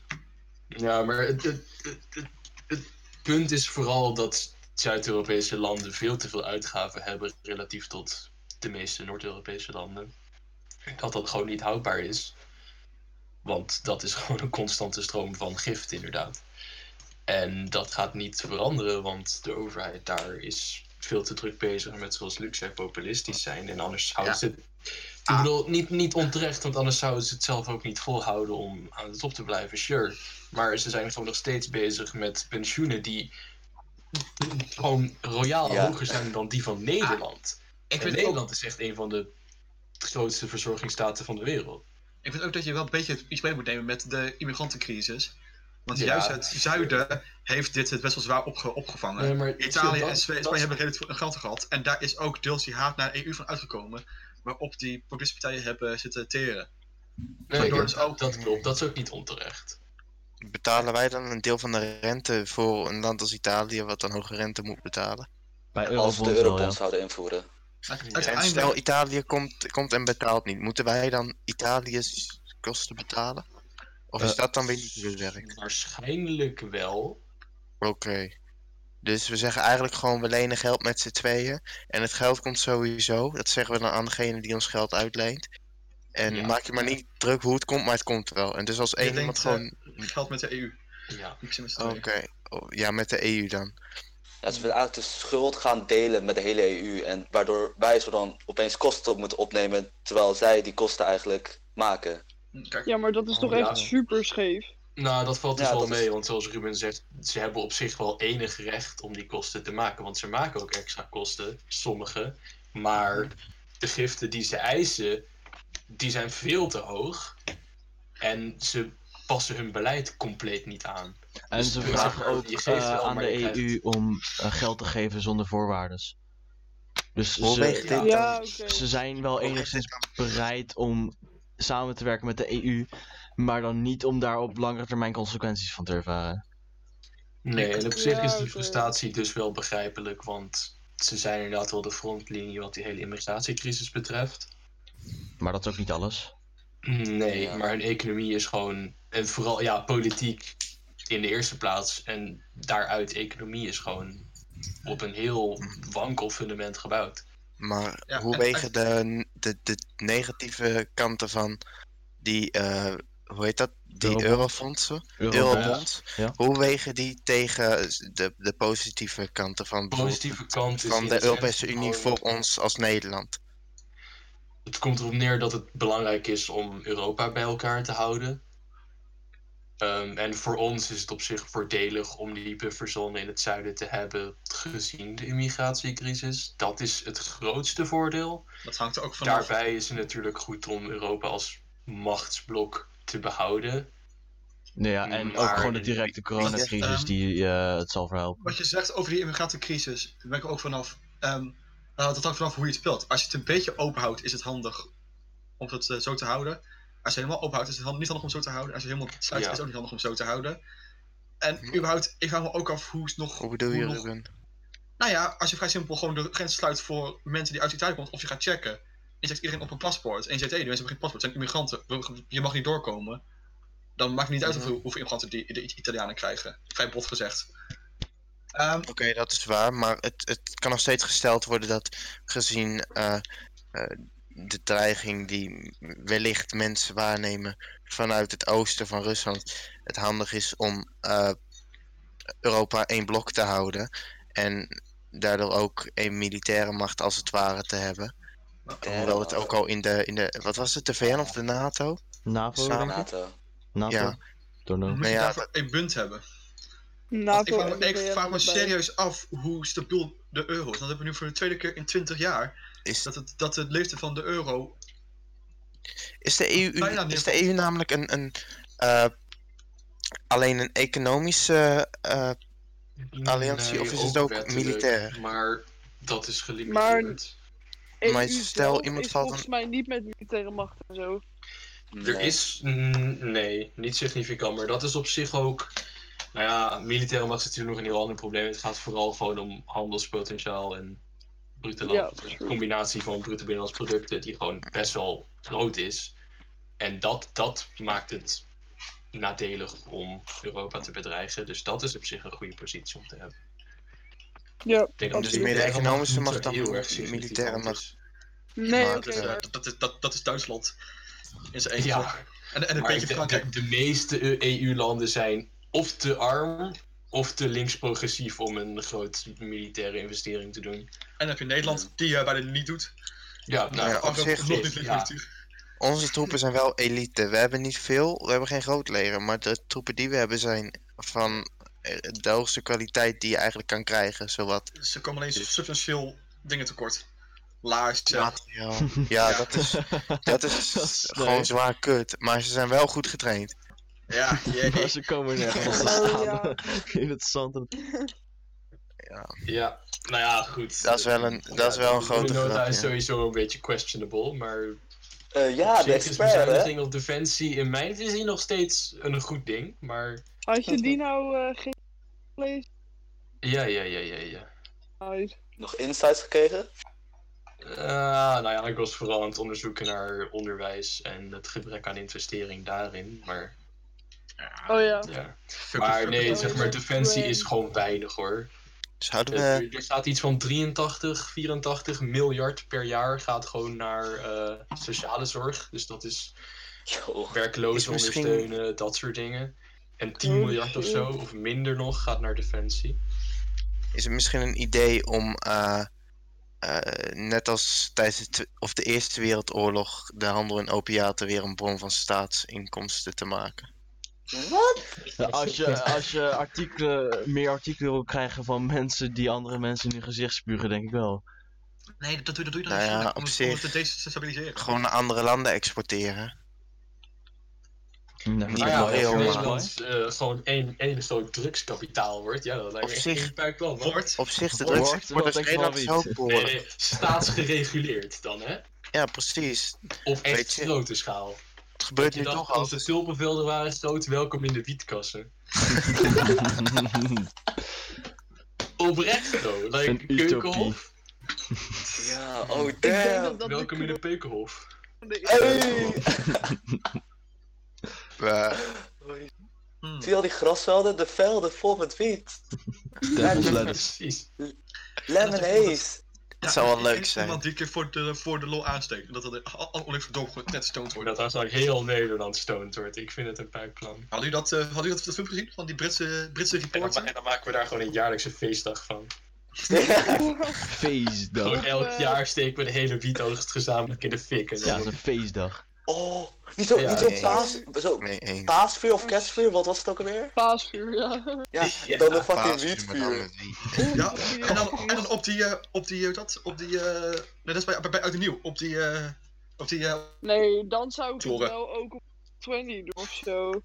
Oh, Als je dat toch een een soort feestdag aan de wiet wil. eh, ik je erop wijzen Ja, dat 420 wijden. nu bezig is. Als je er toch Oh, doorheen gaan, oh, ja. dat je vuurwerk illegaal maakt, dan kan je maar beter op die dag wiet eh, legaal maken. Ja, geniaal. Oh, dat is wel ziek. Ah, je het volk wel iets teruggeven, weet je wel. Weet je, je moet iets inderdaad. Ja. Maar de consensus hier is dus wel van legalisering van wiet en zo. Van vrijwel alles. Dan kan je er een oogje in fair cel houden. In plaats van dat... Slavernij, helemaal top. Ja. Nee, nee, nee. Hey, dat, dat is niet in de context van dit gesprek. mooi, mooi. Hmm. Ik vind het tijd voor het volgende onderwerp als eh, die er nog is. Ja, is goed. Oh, natuurlijk. Ah, Ja. Job, eh, had je nog zo'n artikel? Of, Nog eh, een artikel, ik zal ja. even zoeken. Anders ga ik gewoon eh, een, een nieuwe vraag stellen. Kan ook. Weet je wat ik dus interessant vind, hè? Je hebt, bij de, bij de, je hebt zo'n dingetje met inkomsten en uitgaven bij de miljoenennota. En Mhm. we hebben dus, zeg maar, inkomsten is allemaal leuk en zo, uitgaven allemaal leuk. Bijvoorbeeld financiën. Wat op zich trouwens prachtig is, is dat we 1,7 miljard euro uitgegeven hebben aan het organiseren van onze financiën. Wat? Vind ik wel op zich knap. Hoe kan je er zoveel aan uitgeven? Ja, ik snap het echt Dat is niet. best, dat is, ouwe. dat is best wel makkelijk hoor. Sander is echt 20 keer goedkoper dan Nee, dat. maar als je alle, nee, maar als je alle administratie, bijvoorbeeld alle belastingen moet, moet, moet meerekenen, gaat het hard hoor. 1,7 miljard. Ja, Ja, het is wel echt veel hoor. Dat is echt veel. ja maar Ja. en, eh, en, hoe, en, en, en hoeveel geld kwam er in, überhaupt? Gewoon in totaal? Ja. Inkomsten 305 miljard. Ja, oké. Voor heel Ja, dat Nederland. is fucking veel. Nog steeds, 1 op de 350 euro is dan, wordt dan Aan gebruikt. om de rest van die administratiekosten 300 sheerly voor financiën. Ja, dat is inderdaad. ingaven. Maar goed, wat is de meme is, is dat gasbaten min 1,1 uitgaven zijn. Min 1,1 miljard. Oh, dat hebben we goed gedaan. Dus we hebben gewoon Oké. geld ervan gekregen. Dus we hebben min, eh, min 1,1 miljard eurotjes uitgegeven aan onze gasbaten. Dat vind ik erg interessant. Maar Wat dan betekent winst ervan? Ja, ja, tevens hebben wij min 0,4 miljard eh, uitgegeven aan overig. Dus we hebben Ja, uit op zich. een of andere bron hebben we 0,4 miljard geschraapt. dat zijn die opiaten waar ik het over heb. Ik wil niet suggereren, maar ja. Illegale wapenhandel met, eh met Saudi-Arabië. Nee, dat, We hebben al nee, zo'n nee, laag nee. verkocht. Het is niet illegaal als niemand erover weet, hè? Is een verkocht. Ik Wow. heb het gevoel alsof de overheid dat niet vindt. Ja, maar die weten dat toch niet? Ik zie geen politie hier. Nog niet. Oh, Job gaat stuk. Een beetje. Ja, eh, Onderwerp. Nee, maar 1,7 ja ik, ik, miljoen. had een, ik had een artikeltje miljard. hier. Tering. Hoeveel manuren zijn dat? Er was een, er was een zwaan in een Ja, vrachtwagen fucking cabine veel. gevlogen. Snelweg. Ja, echt heel veel inderdaad. Je moet... Het is echt gestoord, maar dat, je ziet dat beest ook liggen. Dus, Ah, dat is sneu. Morsdood is hij. Dank je. Dank je. Ik vond deze leuk. Deze vond ik ook leuk.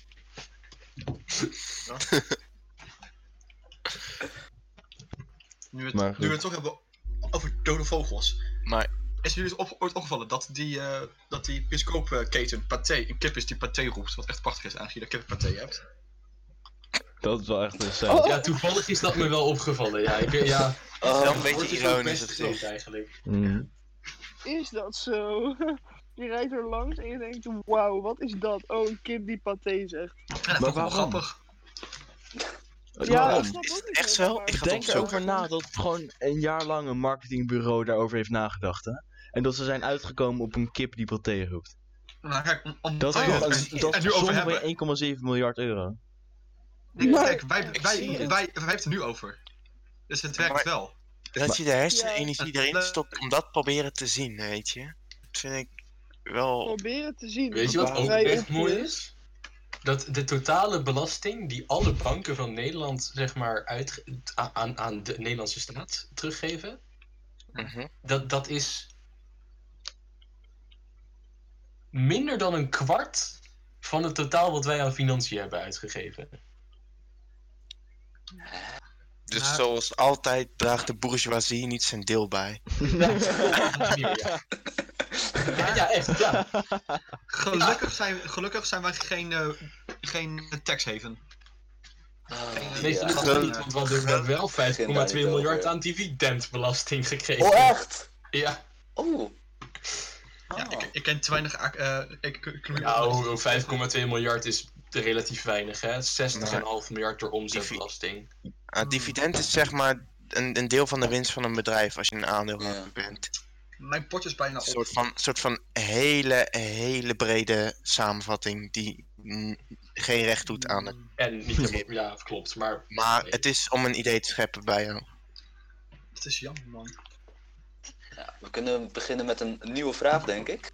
Ja, geef eens een vraag. Ik heb altijd Jongens, nog even vragen... over Pathé. Oh ja?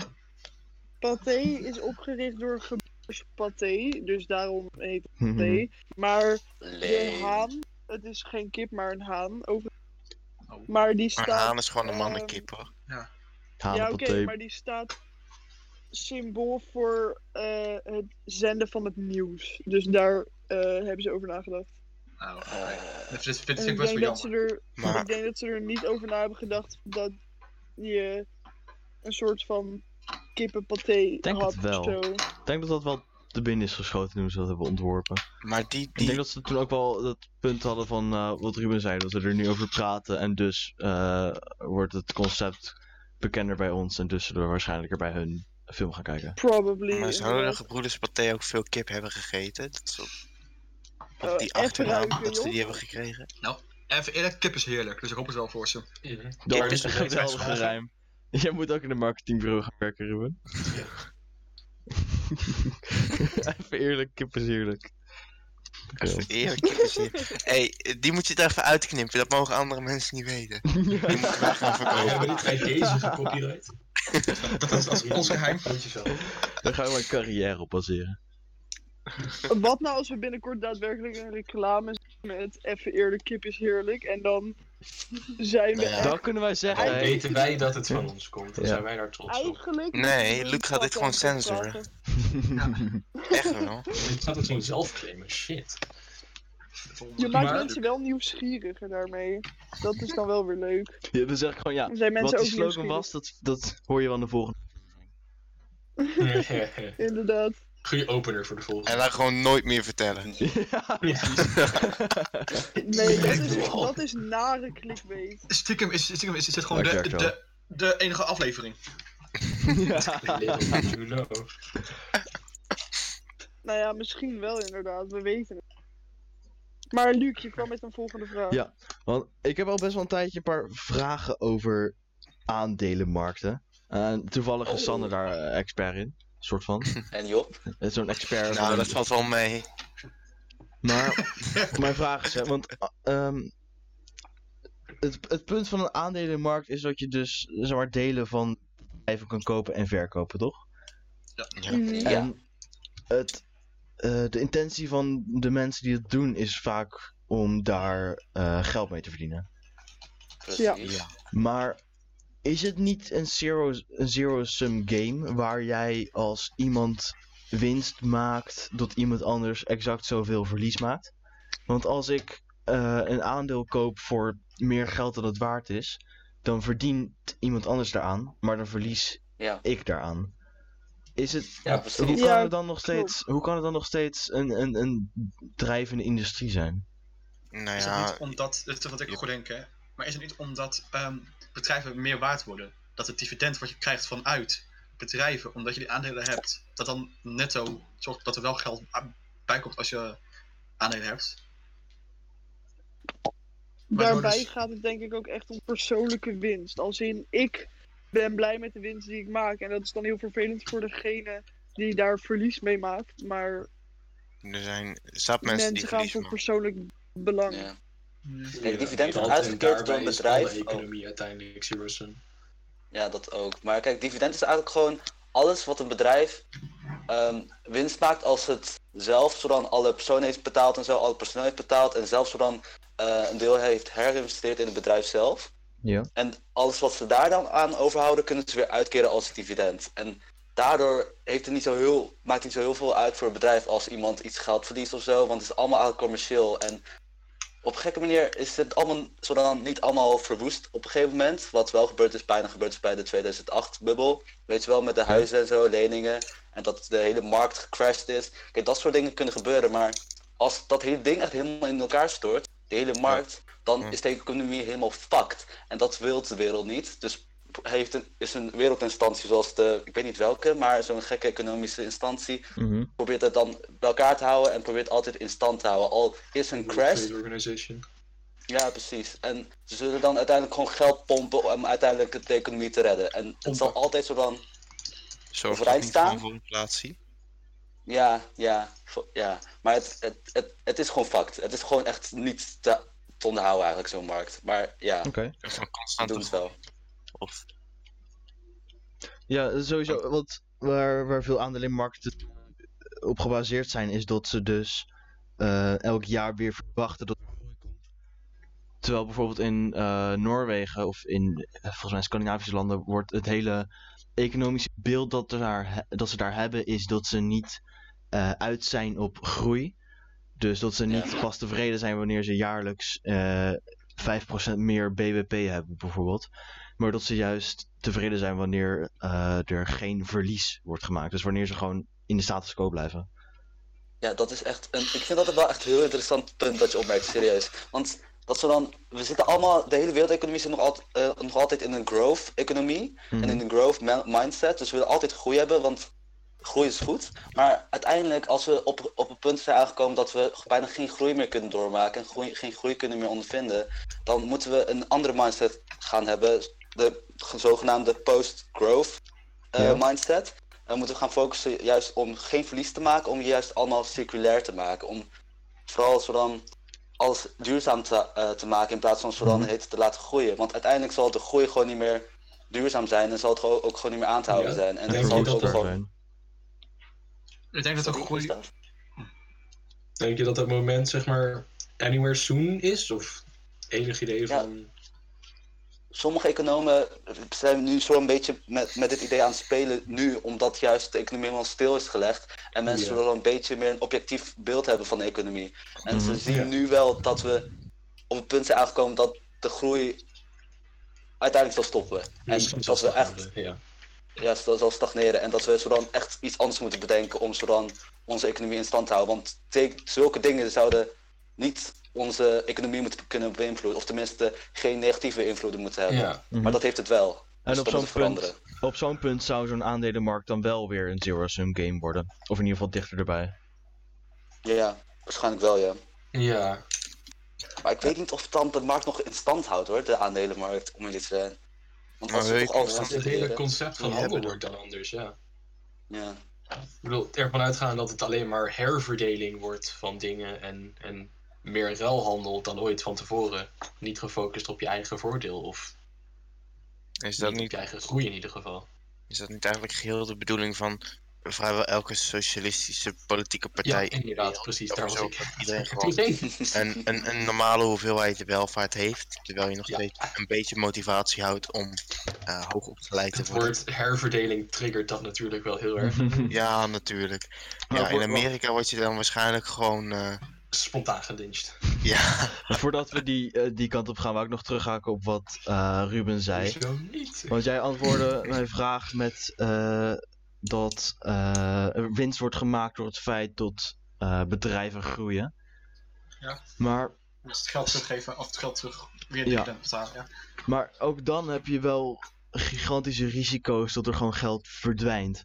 Want stel nou dat er gigantisch veel mensen, of in ieder geval eh, experts zijn die zeggen: Oh, ehm, Tesla en Elon Musk, beste bedrijven in de wereld. En iedereen gaat erin investeren. En iedereen eh, eh, betaalt gigantisch veel geld om die aandelen te kopen. Want ze denken van: Oh, het gaat groeien. En Ja. ehm, de volgende dag stuurt Elon Musk een, een tweet waarin hij zegt: Oh, ik ben een pedo. Ben je al dat geld kwijt? Niemand Ja. wil daar meer in investeren. I- eh, iedere PR-managers nachtmerrie is dat, want dat hele bedrijf is dan gewoon de sjaak. En al dat geld is kwijt. ja. Is, daar, is er dan niet, niet een oplossing voor of zo? Of is het dan echt gewoon Nee. letterlijk, letterlijk weggegooid geld? Het is echt weggegooid geld. Daarom zeggen ze ook altijd: het is een risico als je dan gaat investeren. Want je kan het geld gewoon kwijtraken. En da- daarom, heeft het, daarom investeren mensen zich ook. Want het risico is eigenlijk, ge- staat gelijk aan rente. Hoe meer risico een bedrijf heeft, en hoe Mhm. meer risico je investering heeft, hoe meer rente ze moeten uitkeren om zo dan dat risico te compenseren, weet je wel. Dus laat zeggen, ehm, laat zeggen, een nieuw op, opkomend bedrijf, weet je wel. Je gaat daar investeren, heel hoog risico, want er is ook een heel hoog risico dat failliet kan gaan. Eh, dan moet het bedrijf heel veel rente, of tenminste dividend gaan uitkeren aan jou, om zo dan dat risico te compenseren. Want als ze failliet gaan, dan ben je fucked. En ze willen wel daarvoor zo'n compensatie voor. En daarom, eh, dat gaat er dus heen en weer. Als een bedrijf helemaal naar de failliet gaat, Mhm. dan, ja, dan ben je gewoon dat geld kwijt. Dat is gewoon zo simpel. En zo werkt ook gewoon de markt. En het is gewoon Mhm. fucked up.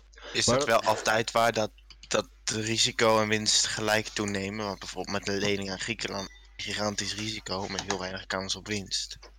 Maar dat was ook Nou geen ja, aandelenmarkt, toch? Nou, Dat is ook een aanleiding. En dat was ook, ook Ja, meer het. En, en dat is ook het, het voorkomen van erger. ja. Ja, maar Trouwens, we kunnen Griekenland ook niet laten instorten. Want als de Griekenland instort, dan gaat de EU ook instorten. En dat, dat kunnen we gewoon Ja, niet veroorloven. Ja, Hoezo en, dat dan? en, dan, en, en, dat dan, en dan is dus de vraag: waarom hebben we nog een munt die zo ver is? Nou, maar hoe zou dat Ja. werken in Griekenland? Als Griekenland instort en dan... Hoe werkt dat door op de EU? Ja, dat, Dat hangt De ook van je ECB definitie van instorten af. Hè? Laat Sander Ja. even uitleggen. ja, dat is dan de ECB, de Europese Centrale Bank, is dan, is dan de gatekeeper van al dat geld en zo en al dat shit. En Ja. zij proberen zo dan, ze kunnen zo dan heel goedkope leningen uitgeven aan landen. En zo proberen ze dan landen op de been te houden. En daarom hebben ze ook, daarom is er ook niet zo van risico staat gelijk aan rente altijd.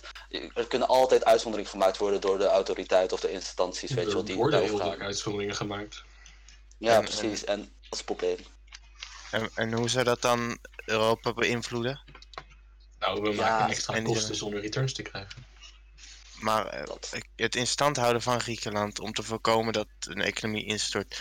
Omdat als hun economie instort, eh, wij onze mee zou gaan. Hoe, hoe werkt dat?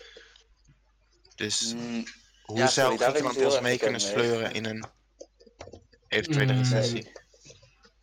Legale, dat is een heel legale kwestie. En daar weet ik persoonlijk ook het fijne niet van, want dat is Europawet. Maar Oké.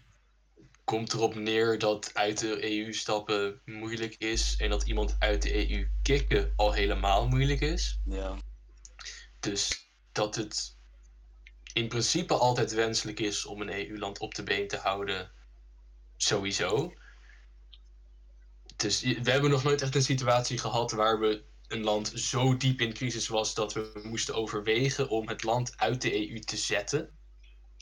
Omdat ten eerste die landen vaak dan zelf tot de conclusie komen dat het vast Europa is die het fout doet. Dus dan doen ze het waarschijnlijk zelf, maar dan bedenken ze zich, want dan krijgen ze leningen van Europa. Dus dan zijn ze van, ah, eigenlijk mogen jullie wel. Ja. ik denk dat het lastig is om te zeggen of een land je echt mee zou kunnen sleuren. Ik betwijfel het. Oké, Ja, maar ze dan... hebben daar gewoon heel veel plannen voor. Gewoon backup plannen, weet je wel. Want je Ja. kan gewoon niet zo'n situatie veroorloven. Dat wil je gewoon niet. En je wilt ook niet gewoon gaan uitzoeken of het nou echt zo is of niet. En ja, Ja. En En stel nou tot wel- alles fout gaat, weet je. Als alles gewoon fout gaat, behalve omdat één eh, land, bijvoorbeeld Griekenland, eh, echt complete shit ingaat. Wat je ook gewoon kan doen, is één gigantische European Union exit doen, zoals bij de Brexit. Ga je gewoon Ja. allemaal uit de EU, maak je een nieuwe, EU2, en dan eh, laat je Griekenland niet binnen. Geniaal. EU2, Hetzelfde Electric systeem, maar dan Boogaloo. met een andere naam. Ja. En met hoekers en met blackjack. exit. Ja, precies. Nee, maar zeg maar, de Maar- enige reden dat een land echt uit de EU wil, is omdat populisten schreeuwen dat de EU het probleem is. Maar die landen die Ja. komen er zelf wel achter dat dat niet het geval is. Want als ze eenmaal losgekoppeld zijn, dan gaan ze naar de tering. En De EU is nou ja, niet perfect. dat is dan ligt de maar- tering? Bij de Ja, ergens in Engeland. ja. Is Engeland naar de tering, though? Nee, maar het gaat niet goed. Boris Johnson Ja. wel. Ah, we, we zullen Boris. Johnson is zullen gesteld, zien, ik kijk, denk dat Engeland nog te vroeg is om conclusies te trekken. Dat denk ik ook. En ik denk Ja. ook dat er zeker kans is dat ze terugkomen. En ik denk dat de problemen die ze hadden niet per se te blamen zijn op Brexit, maar ook heel veel op gewoon Aandelenmarkt. interne politieke falen. Want hun politieke systeem is gewoon slecht. ja. Dus daar is weinig uit te concluderen inderdaad. En daarbij, het is nog niet zo onontkeerbaar fout gegaan dat je kan zeggen, oh, uit de EU stappen is een fatale fout. ja. Ik heb Maar wel dat Brexit niet goed was voor hun economie zoals het nu staat. Ja, ik heb gerucht gehoord dat ze, dan, ze eh, mogelijk een trade deal gaan sluiten met Amerika. En dat ze zo dan de Amerikanen al zo dan de, eh, zorgstelsel, weet je wel, de NHS van eh, de Verenigde Sta- eh, Koninkrijk willen privatiseren. Dus dat, dus dat ze het uit de handen van de staat weer nemen en dat ze dus wel allemaal Oh, van die gekke echt Amerikaanse... een goed iets dat. Nou, de Ja. NHS is wel echt een shit service, hè? Nou, Ja, maar jongens, hoe- beter dan de Amerikaanse gezondheidszorg. Dat klopt, maar Ja. het staat, NHS staat best wel bekend als een service die gewoon zeer weinig kan, omdat het gewoon echt gewoon administratief een nachtmerrie is. Ja, maar dat geldt voor zeg maar heel Groot-Brittannië eigenlijk wel. Dus Zullen we, Ja. zullen we een van de vragen gaan pakken nu? ja. ja, goed dan. zonder al te... Of Ja. we kunnen Joyce misschien even het woord geven dat zij eh, een hele andere kant op gaat. misschien wel meer de cultuur. Ja, dat lijkt me wel Dit verstandig. was inderdaad Wij weten, wij weten niet zoveel over dit soort dingen, expertise. dus eh, Nee, absoluut. de hele tijd hierover lullen wordt ook snel oud. Ja, ik weet niet, we zouden er eentje kunnen pakken uit die opkomende ding. En dan zou ik zeggen. eh, Wat is voor jou schoonheid? Want die ja, andere, dat is denk ik de meest interessante. want die onderste hebben we andere al is gehad. meer.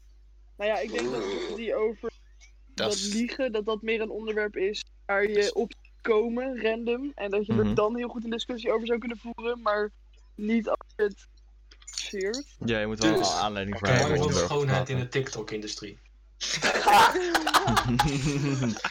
Oh ja, Oké. we Laten we eerlijk wel zijn. even jouw TikTok eh, nog zetten. Is wel cruciaal. Ja, ja, misschien kan je ons promoten. Volg me op TikTok. Instagram, Snapchat. Nee, nee, nee, de dat klopt. podcast promoten.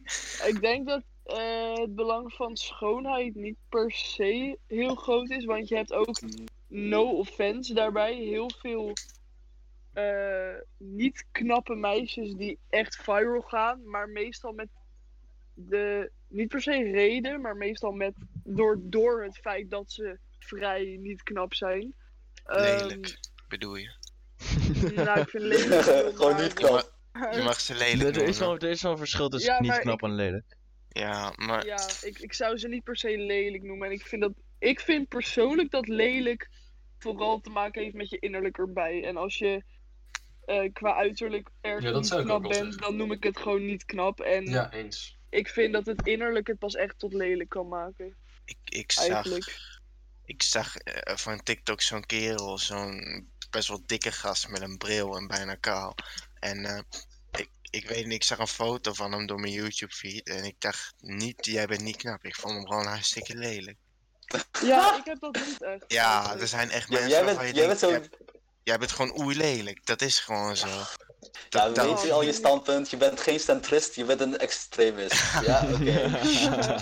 Nee, maar ik denk dat hij Nee. wel best wel punt heeft hoor. Er zijn echt mensen waarvan je kan denken, je bent, dat hoeft niet te zijn, je bent een slecht persoon of ik ga ermee praten, maar gewoon fysiek Nee, ik vind dat, Mhm. nou ja, misschien lelijk. kan je enigszins gelijk hebben, maar ik vind wel dat iemand echt serieus een stuk mooier kan worden door zijn innerlijk dan in dat geval. Dat- Ja, maar- dat maar is het moment- Maar dan ben je een mooi persoon, maar, dan dat ben je niet, ook, ja, niet dat een knap nee, maar persoon. ik- mijn beeld van iemands uiterlijk verandert heel erg als ik iemands innerlijk. Eigenlijk. Mm, Dat is op zich wel waar. Ja, en wat, je, wat was die laatste die foto die je in de groep gestuurd had, waarbij Job ook zei van, ja, ik kan iemand ruiken, weet je wel?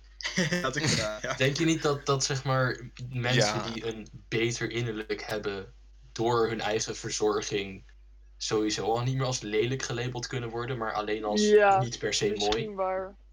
Ja, misschien wel inderdaad. Maar het verschilt heel erg, want sommige mensen die worden inderdaad, eh, wat jullie dan noemen lelijk, zou ik niet noemen, maar in ieder geval, eh, doordat ze zichzelf gewoon niet goed verzorgen. Maar dat hoeft niet per se te komen door dat hun innerlijk wack is of zo. Maar meer Maar als jij- doordat ze bijvoorbeeld, het kan ook heel erg komen door slechte opvoeding van de ouders of zo.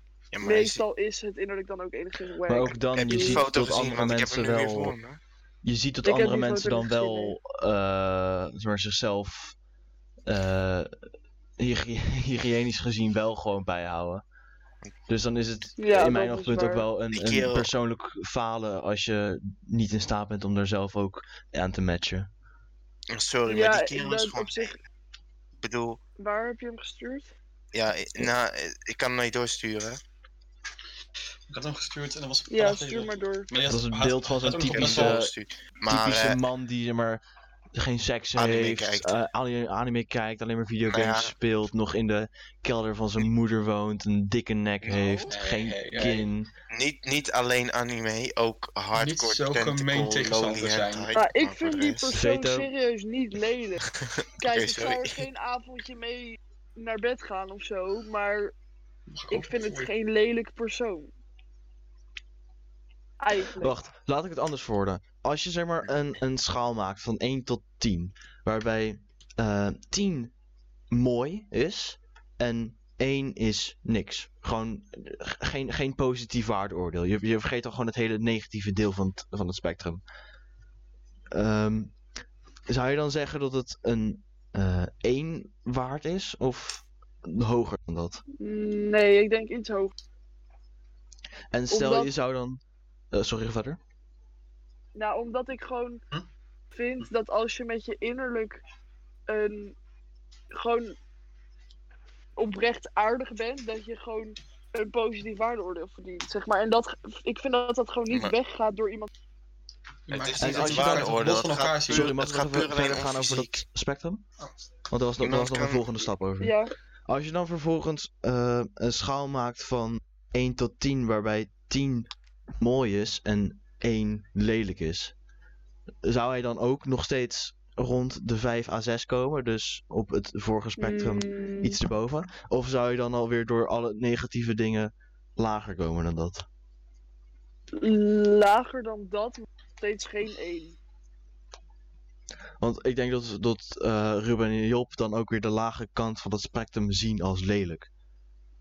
Dan is 1 het, het uiterste lelijke, maar dan is een 3 Ja. ook al Maar een entering in de lelijk. Eh, is het niet bezitten van schoonheid niet hetzelfde als lelijk? Nee. Ik vind Dat is niet, want als niet- ik een, niet als ik een schrift zie, als ik bijvoorbeeld gewoon een schrift zie, weet je, het is blank, er is niks aan, niks moois. Dan ben ik zo van ja, het, het is gewoon een object. Ik, ik, ik kan er geen negatief gevoel van krijgen. mensen. Ja, oké, als je het alleen bij mensen zou zien, maar dan nog. Ik vind dat als je geen schoonheid bezit, dat je gewoon niet mooi bent, maar niet. Nee, toch, maar, maar, je, zeg Maar je kan heel mooi. makkelijk bij iemand denken die geen schoonheid nog aan een heel normaal persoon denken. Maar als je zeg maar alles wegdenkt wat jij mooi vindt in iemand. nou, hier in het... Ik ga hem opzoeken in het woordenboek. Dit heeft niet... Oh, wacht, ik heb er een. Beauty. The quality of being pleas- pleasing, especially to look at, or someone or something that gives great pleasure. Ja, dus als iets Ja, maar het gaat Als- meer om of in onze hoofden daadwerkelijk het tegenovergestelde van mooi lelijk is. En in mijn hoofd is het tegenovergestelde van mooi gewoon. Niet mooi. Ja. Het gebrek Wat aan dat, mooiheid. dat, dat, wat ik ook denk wat de hoofdpunt waar ik het goed gehoord, het goed gehoord heb, is dat persoonlijk zie ik Helemaal innerlijk als mooi. uiterlijk als twee verschillende manieren van mooi die je kan hebben. Hier, Dat definitie, bij George een beetje op elkaar door. Mhm. Niet per se slecht, maar dat is voor mij, dat maakt het voor mij makkelijker om zo'n zo'n grenslijn te zetten. Van, ik vind die wel mooi, die niet mooi, omdat ik het twee, twee, twee Dus als je dingen het als knap Ja. zou formuleren, zou je dan zeggen dat het tegenovergestelde van knap wel lelijk is? Ja. Oeh. Ah, hier zegt hij in het woordenboek gewoon lelijk, helemaal niet mooi om te zien of te horen. Ja, ik denk voor mij is er wel Dus- inderdaad een serieus verschil tussen knap en mooi. Ja, Inderdaad. precies. Want knap zou ik ook meer definiëren als een fysieke aantrekkingskracht. Ja, Ja, maar je kan fysiek Ja, maar is gewoon wel lelijk is zijn. ook wel weer. Ja, maar er is ook wel Zonder dat je weer een, persoonlijkheidsrecht is. Maar dat was het een mooi. verschil tussen knap en aantrekkelijk, denk ik. Dat Zeg is maar, zeker ik heb- waar, maar daarom zei ik fysiek aantrekkelijk. Ja, oké, oké, oké, terecht. Ja, dat is waar. Ik denk dat knap inderdaad meer te maken heeft eh, met fysieke aantrekkingskracht dan inderdaad. Ja. En mooi meer of je gewoon, ook qua uiterlijk, gewoon een mooi mens bent. Je een leuke uitstraling hebt. Als je lacht, dat je oogjes een beetje flikkeren of zo. Zeg maar meer op die Oh. manier. Ja. Oh, Ja, ik, wou, ik heb daar nog een vraag over. Ehm, denk, oké, we zijn allemaal over eens dat. Ja, zeker. Dit zijn allemaal Ja. bitches. Gewoon echt allemaal stukjes van bitches. Je zou Het gaat niet alleen het maar uiterlijk, niet, eh, Sander. Maar, maar, Oké, ik had nog een vraag. Ehm, Oké, we zijn allemaal over eens dat, we zo dan, dat momenteel op social media best wel een toxische ehm, beeld is van de perfecte vrouw. Of tenminste, een toxische. En man. Ja, Ja, Ja, ook precies. maar is er, denken jullie dat er ooit een einde zal komen aan dit toxische soort van ja, situatie? Of tenminste aan het feit dat we soort van steeds een beeld hebben van de perfecte vrouw, van de perfecte man? Ik weet Ik- het het niet geheel, want het is gewoon een industrie. Ik denk het ook niet, maar Mensen ik denk altijd zeggen, en ik moet hoop beter dan jij. dat mensen tijdje gewoon leren dat het gewoon geen fuck uitmaakt wat op internet is. Ja. Nou, ik, ik denk Nou ja. dat zeg maar de primitieve ons nog steeds aangetrokken zal zijn tot die definitie van schoonheid tot op zekere hoogte. Dus dat die industrie daardoor wel in stand gehouden zal worden. Maar ik denk dat de mentaliteit zeker wel zal verschuiven naar het accepteren van een minder perfect lichaam. Ja, ik denk dat dat ook al nu al bezig Nou ja, is. niet per se een minder perfect lichaam, maar meer dat mensen moeten accepteren dat Ik, er ik deed verschillende aanhalingstekens, definities van... dat hoorde je niet. Ja, oké. Maar inderdaad, dat er verschillende definities zijn van een perfect lichaam. En dat, Nee, die, perfecte die lichaam dat huidige je- ja, ja. opvatting van. Dus, de, Ja, Ik denk dat het- dat best wel weggaat, ja. Ja, dus zolang de, het, het beeld van een perfect lichaam zal wel zolang in stand houden, maar zolang Ja. de acceptatie, tolerantie van andere zolang type lichamen en zo zal Ja, inderdaad. Ik denk wat, wat Joyce nu vooral opbrengt, is dat het concept van mooi zijn meer zal verschuiven naar wat Ja. zij mooi vindt, weet je wel. Van mensen die een mooi mens zijn, niet per se omdat ze hot zijn of whatever. Want die definitie gaat niet veranderen, want dat lijkt me puur hormonaal of whatever. Maar is dat per se Daar kan je niet zoveel aan doen, te hebben? En, Nou, en zal die verandering dan ook zo dan... Oh. Ja. Ja, sure, maar de algemene consensus blijft volgens mij dat een gespierd lichaam aantrekkelijker is. Ja, klopt. Algemene consensus, ja. Dat was het hele punt. Zeg maar- Da- da- punt. Ja, oké, maar om daarop door te gaan, dat het per persoon wel nog heel erg verschilt. Want ik Tuurlijk, vind dat ja, nee, sure. Ik weet dat niet jou, zo dat het mooi, jou niet, niet boeit. Ja, Maar- maar... ik denk inderdaad dat het inderdaad algemeen dat dat enigszins zo zou blijven. Maar dat komt ook denk ik omdat dat dat niet eens van vrouwen af naar mannen gaan bijvoorbeeld, maar ook van mannen naar elkaar. En Heel erg ook gewoon, om... het is ook aangeleerd om eh, spieren aantrekkelijk te vinden. Omdat het gewoon, eh, maatschap- maatschappelijk gezien is het gewoon zo dat de, de status quo is dat spieren zijn mooi. eh, een schone Ja. huid is mooi. Mm, Dus het ja, hoeft niet eens ja. per se van nature erbij te komen. Nou, het gaat vooral ook naar vroeger. Als in een gespierde man kan gewoon beter jagen en daarom vallen Dat vrouwen bedoel daarop. ik. Dat ik denk dat het als heel menselijk wat- is om dat te vinden. Vroeger was vet ook dat is- schoonheidsideaal, hè? Ja, schoonheidsideaal is wat anders dan zeg maar echt eh praktische redenen als het ware. Ja, Want dat is net als vrouwen met grote boezems. Die eh, kunnen gewoon beter kinderen voeden, zeg Ja. maar. En daarom is dat een soort schoonheidsideaal. En Ja. vrouwen met, om het zo te zeggen, grotere billen, die eh, kunnen gewoon beter een bevalling goed doen. Ja, En ja, toch twijfel Dus ik dat we... dat is gewoon eh, zeg, sorry, ga verder. Nou, dat zijn gewoon de redenen dat dat een soort van in ons instinct zit, als het ware, dat je daarop valt. En toch twijfel ik eraan dat we ehm, in het overgrote deel van ons perfecte beeld van een mens eh, zijn aangekomen in die meest basis, instinctieve, eh, perfecte reacties, zeg maar. Ik denk, als je naar 50 jaar geleden kijkt, waren slanke vrouwen juist heel erg de mode. En ik denk dat er nu Ja. ook nog heel veel dingen zijn waarvan wij denken dat het heel erg mooi is, maar van het eh, puur menselijk gezien en puur biologisch gezien niet is wat een perfect mens zou moeten zijn. 50 jaar Ja. geleden zeg je? Is dit niet juist... Ja, hi- hier, je hebt 50 in jaar de- geleden, ja, 100 jaar geleden, zoiets. in Nou, de kwestie of zeg maar of het daadwerkelijk Ja, in Sorry, kan je is Job dat eerst laten uitpraten? gewoon algemeen is. Je weet dat in de jaren 50 had je juist heel veel advertenties voor vrouwen om aan te komen. Dan, dan was het misschien niet die 50 jaar geleden, maar 500 jaar geleden. Is het... Ik denk dat we daar nu ook weer naar terug gaan. Van dat hele dunne juist weer naar dat wat vollere. Ja, ook Ja, dat denk ik ook. Ik denk Nee, het wel. echt? Want zeker, zeker omdat je heel erg ziet dat zeg maar body shaming heel erg afgestraft wordt en curvy Ja, models, om het zo te zeggen, heel erg ehm, upcoming zijn nog steeds. ja, maar denk dat is meer internet hype hoor. Dat is meer Ja, een hype is zo. Maar ik worden. denk dat het steeds meer uit, zeg maar, aangeleerd wordt om te houden van wat vollere lichamen Ja, bijvoorbeeld. misschien, Ja, maar het is meer van. Het is meer, het is meer zo dan een internet warrior gevoel of zo. Me- mensen voelen zich trots als ze zich zo dan kunnen. eh, dan een beweging kunnen ondersteunen, zoals de plus size movement. Want er zijn nu heel veel van die plus size modellen. Maar uiteindelijk motiveren ze eigenlijk wel een best wel slecht ding. Want heel veel van die plus size modellen zijn eigenlijk gewoon obese, weet je wel. Ze, zijn gewoon overge- ze, ze hebben een overgewicht.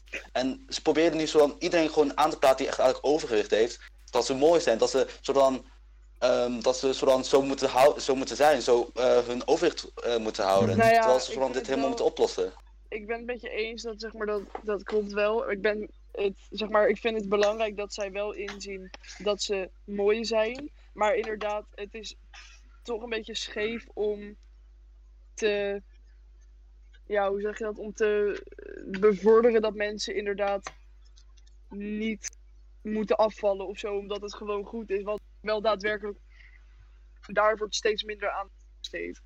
Als jij, als jij wat zwaarder bent met gewoon een gezond dieet en je hebt een hoger vetpercentage, als vrouw is dat juist gezonder om te hebben dan als... Ja, precies. Ja, maar die vrouwen maar, zijn dus- daar ook niet overgewicht. Oh, sorry. Nee, natuurlijk niet. Overgewicht is altijd slecht, maar Ja, er is inderdaad een verschil tussen dat en echt obese.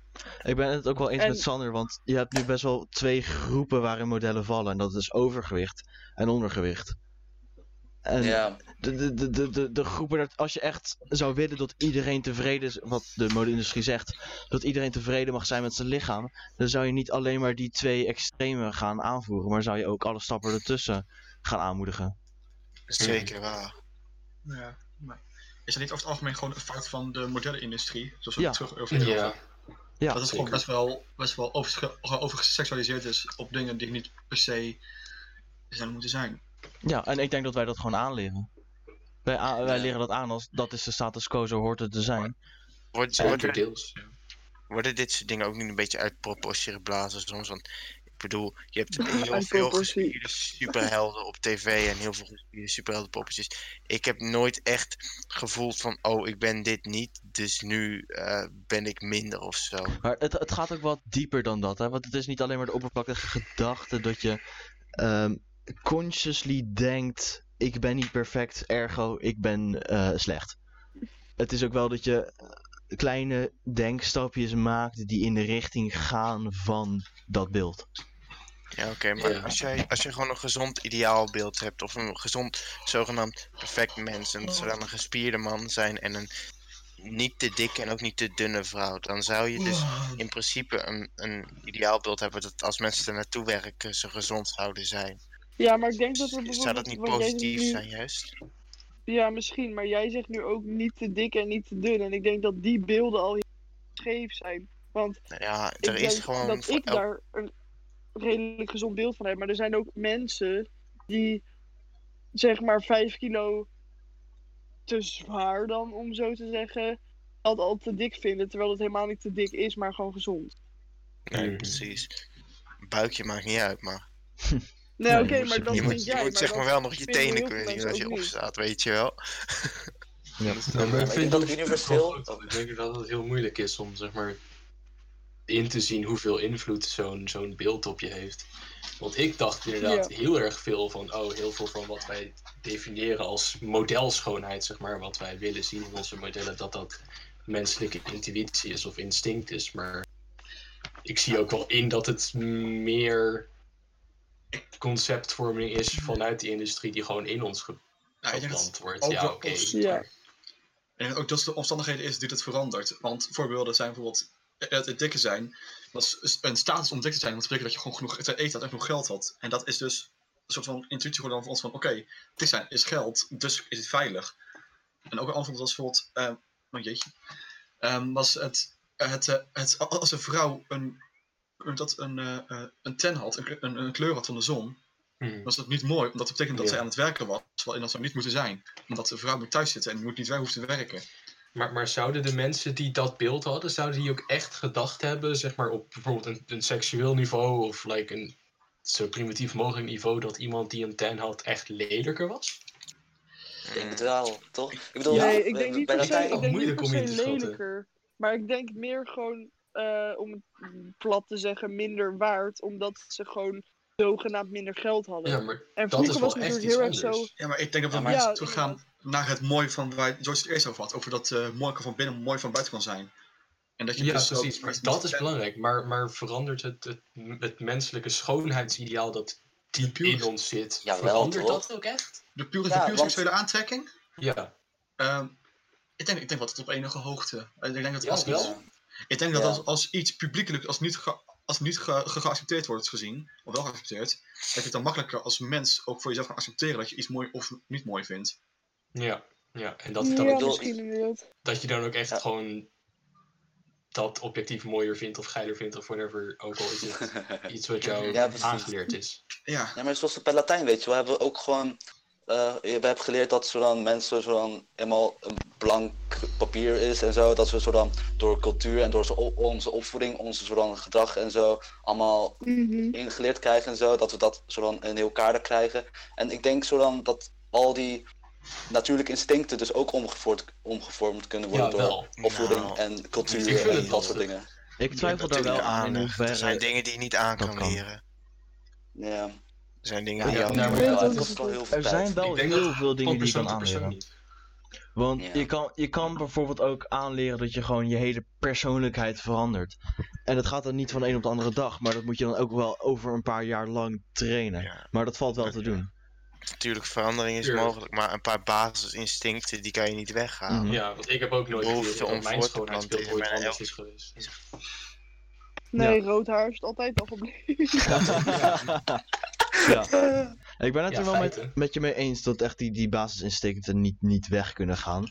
Wat ik wel denk is dat de mens genoeg wilskracht heeft om twee contrasterende beelden tegelijkertijd in zijn hoofd te houden en te beslissen wanneer die Ah. welke houdt.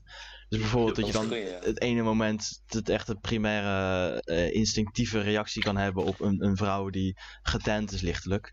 En dat je het andere moment ervoor kan kiezen om dat sociaal geaccepteerde beeld aan te nemen. Van vrouwen Ja, die maar- een ten hebben zijn niet mooi. Dus je, je, je instinctieve reactie en je, zeg maar, als je er bewust over gaat nadenken, die reactie die je tegen elkaar afhoudt. En dat je dan zegt, ja, deze brengt mij sociaal gezien meer status, dus dan neem ik deze maar. Ja, bijvoorbeeld. Mhm. Of dat je denkt, fuck it, heel hartelijk in, in gelooft. Mm. fuck wat deze mensen denken, ze heeft een lekkere kont of zo, ik, ik ga er gewoon voor. Dat kan Ja, ook. dat kan je ook denken.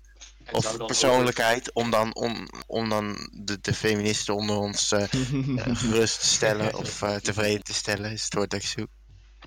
ja, maar zou dan over generaties dat in, puur dat instinctieve wel kunnen veranderen? Goede vraag. Ehm, heel veel, Over een echt heel veel paar generaties, duizend inderdaad. misschien. Ja. Maar ja, ik bedoel, een, een kat, zelfs mijn fucking bange domme kutkat weet hoe je een muisje vangt. Weet je wel, Ja. dat is niet iets wat je hoeft te leren. Maar zeg maar over een paar duizend, dat lijkt me logisch, want een paar duizend jaar geleden zagen we er oprecht anders uit. Gewoon allemaal, collectief, oké. Ja. Maar zeg maar, la- binnen een spanne van 100 jaar, mensen van 100 jaar geleden zagen er echt nog ongeveer hetzelfde uit als wij. Alleen heel klein. Vrij precies. En meestal zwart-wit. Maar Ja, nou, dat valt ook wel mee. Hè. Maar eh, ze waren echt heel klein vergeleken met ons. Het, ik, ik, ik vind het best een interessant vraagstuk. Misschien kan het zelfs binnen je levensspannen gewoon oprecht veranderen wat jij primitief ervaart als mooi. Ik denk Ja, dat als dat gebeurt, dat je dan wel echt heel veel moeite krijgt binnen jezelf. Gewoon heel veel Ja, intern dat is- conflict dat lastig te, te, te, te resolven is. Je persoonlijke voorkeur kan aanpassen, toch? Ja, dat zie je toch ook. Als je ouder wordt, Ja. dan val je toch ook op oudere mensen, behalve Ruben. Maar... Oei, oei, oei, oei, dit zouden we niet omhoog brengen. Nee, veto. Dit zouden we... Ja, Oh, is dat afgesproken? Daar was ik ja dat, dat, hebben we dat is afgesproken. Ja, daar was je niet bij, nee. Maar dat, Ruben mocht geen opmerkingen maken, dus wij zouden eigenlijk ook... Oh, dus dan doen wij het ook niet. oké. nu mag Ruben één opmerking maken. Hij Ja, heeft, eh, hij heeft één Ja, pasje. ja. The count uh, nee. decided. Doe het maar gewoon alsnog niet. Maar wat ik bedoel is dat zeg maar oude mensen vinden. Ik, ik, ik weet het niet, want ik ben niet Ik zo ben niet oud, oud. Maar oude mensen vinden oude mensen, oude mensen ook oprecht mooier. Vraag, naar je oma, zou ik zeggen. Ik denk Nou, wel weet. Maar ik dan, niet. dan gaat het toch denk maar ik weer niet- meer naar het innerlijk, toch? Of, eh, Dan, ik mij. denk inderdaad, Hm. weet je hoe vaak je een vieze man van 60 naar een, Ja. een knappe dame van 30 ziet kijken? Ik denk niet dat zij daadwerkelijk bij, oké, misschien bij sommigen, maar daadwerkelijk een man van bijvoorbeeld 75 bij een vrouw van rond de 75 denkt: wauw, wat een ontzettend knappe dame. Maar meer Nee, dan precies. innerlijk daar gewoon echt veel meer. Ja, Ik denk alleen wel dat daar een bias naar binnen kruipt. En dat is dat er ook heel veel 30 jaar oude mannen zijn die heel glurig kijken naar 30 jaar oude vrouwen. Nee, ik had daar laatst een, een ding van Ja, gezien. dat is waar. Dat was echt prachtig. Bij, bij, bij, bij, bij, bij, vrouwen, 10. Bij, bij, bij vrouwen zag je zo'n zo'n lijn van, van leeftijd. Dat was enigszins evenredig, als in vrouw wordt ouder, de man wordt ouder. Ja. En bij, vrouw, en bij man is het gewoon één rechte lijn naar beneden. Ja. 20, 21, 22, 21, 20, 29, eh 19, dat is gewoon, het was echt bizar. Maar hoe Ja, ouder de man, hoe jonger de partner?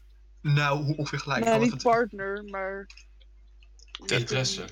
De Ja, interesse- ja. Ik heb hem, eh, ik heb Maar hem dat gestuurd. geeft me dus heel erg het idee dat het niet kan veranderen binnen een persoon.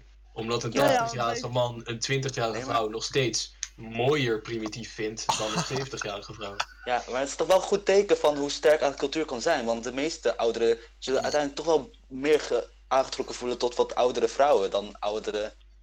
Ik Nou, bedoel, jongere eh, nou, vrouwen. Ja, Denk kijk, ik. wat er, wat er gebeurt bij een man als hij wat ouder wordt, meestal dan, dan, dan, dan neemt hij wat massa, dan wordt hij wat groter en dan gaat hij misschien een baard groeien of zo. Maar dan ziet hij er wijzer uit, Mhm. in ieder geval. Een vrouw ziet er gewoon, ja, Ouder uit. ouder uit. Niet, niet beledigend beeld of zo, maar eh, het is niet, niet zeg maar, Ja, ik snap je er- er er komt niks terug voor wat er weggaat. Bij een man Ja. komt er nog een aspect terug waarvan je denkt van, hé, dit ziet er wel grappig uit.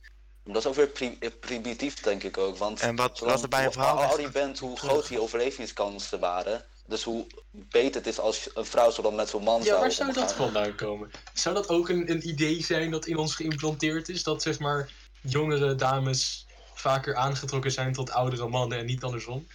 Oeh. Maar eh. Sander, dat vind ik echt, echt een briljant punt. Dat als je, oud wordt, als je oud wordt, dat het beeld van iemand die oud wordt, eh, dat het zeg maar het beeld is van degene die hebben overleefd. Dus dat Ja, het toch? aantrekkelijk is. Omdat diegene, Als die, die, nog- die doet het goed. Als ze nog fysiek capabel zijn natuurlijk. Ja, niet eens En dan per se, want als je oud bent, dan heb je kinderen. En als je kinderen hebt, dan heb je het gehaald, genetisch Ja, gezien. zeg maar vergelijkbaar met Ruben. is het- Dikke mensen zijn aantrekkelijk.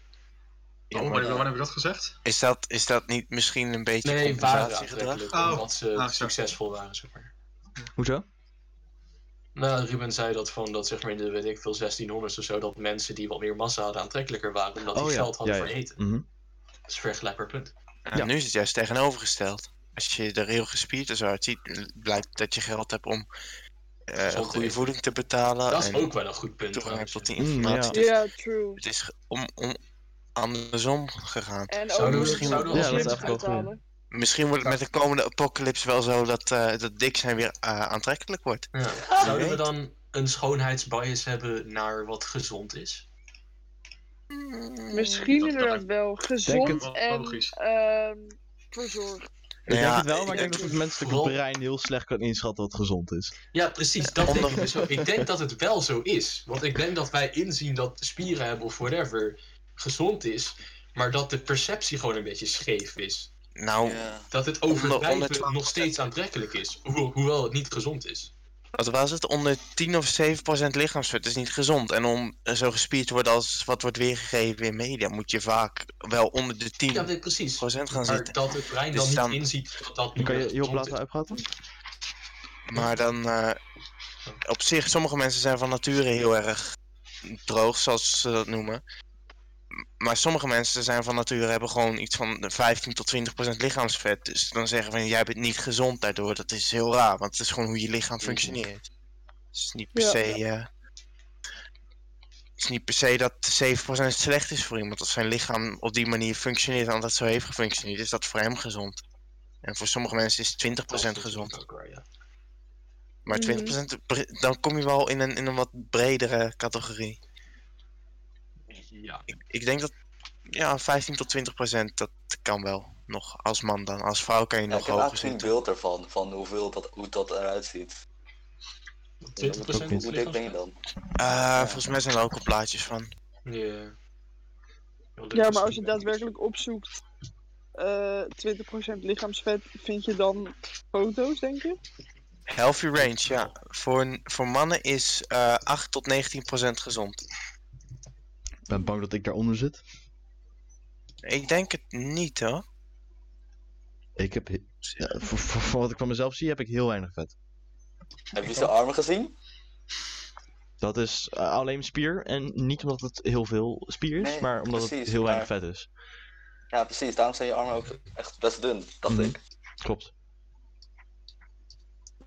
Ja, I don't know, man. Ik kan wel een plaatje zetten. Ja, ik heb Van hier een plaatje. Grapje. Hier heb ik plaatje. Oké. Oh, hebt dezelfde. ja, Echt ja, precies ja. dezelfde. Ja. Maar ja, als je Dus- kijkt, Hey, Bello is Maar toch... wat is eh, dan- oh, Wat is dan gezond?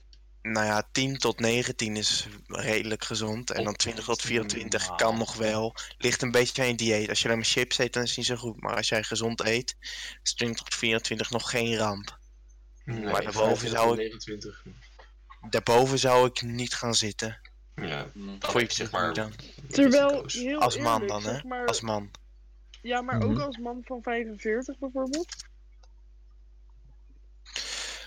Ja, leeftijd speelt ook een rol natuurlijk. Want zeg maar 25 tot 29 ziet er voor mij nog best gezond uit eigenlijk. Kijk, bij toch- 30 tot Mm. 34 zou ik zeggen dat je enigszins overweight hebt. Kan ook aan een foto komen dat je geen flapjes ziet, dus dan wordt ook niet getriggerd van, oh, dat is veel te veel vet. Ja, misschien inderdaad. Maar bijvoorbeeld zijn armen. Ik heb het idee dat dat nog best veel spier is. En verder, ja, het is, kijk, het is niet per se dat ik denk, wow, jij leeft echt super gezond. Maar ik zou niet willen zeggen dat het heel ongezond is. En ik denk toch, voor mijn gevoel ziet de gemiddelde vader er wel enigszins zo uit. Ik bedoel, mijn vader is geen Die van mij is 20 tot 24. 35. Ik Ja, denk dat veel daarom. vet ook meer gerelateerd is aan een, aan een dieet dat, dat veel cholesterol en verzadigde vetten bevat, dan ehm, echt dat puur eh, m- meer vet hebben dan eigenlijk nodig is, per se ongezond voor je is. Want als je dat op een dieet doet waarbij jij gewoon ervoor zorgt dat je niet te veel verzadigde vet en cholesterol in je bloed hebt, kan jij in redelijk goede gezondheid blijven als je erbij blijft bewegen. Ja. Ja, oké. Het is niet vereist dat jij een sixpack hebt om gezond te zijn. Nee, nee. Absoluut niet. nee Het is natuurlijk wel leuk meegenomen, weet je. Het ziet, er, het ziet er wel grappig uit. Maar als het, Ja, maar waarom ziet dit er grappig uit? ja, nou ja, je kan je Ja, maar bij zien. hè. vrouwen ziet het er al heel anders uit. Ja, Ja, maar vrouwen beginnen op 25%, want op zich, Die vrouwen hebben gewoon überhaupt meer vet ook in de borst, hè, dus je hebt sowieso een hoger percentage. oh ja. Goede tuurlijk. Ja, handvol. oké. Ja, dat scheelt gewoon Nou, zeker like 3, 4 procent. Maar wat is dan bij vrouwen gezond, zeg maar?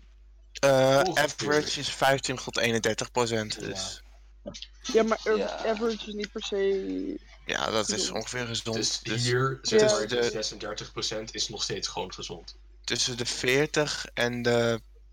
Even kijken. Eh, tussen, tussen de 40 en de 1 of de 14 en de 31 is eh, eh, ongeveer de gezonde range. Dat kan is nog best laag dan, volgens mij. Ja, inderdaad. 14 is laag voor een vrouw, ja. Zeker.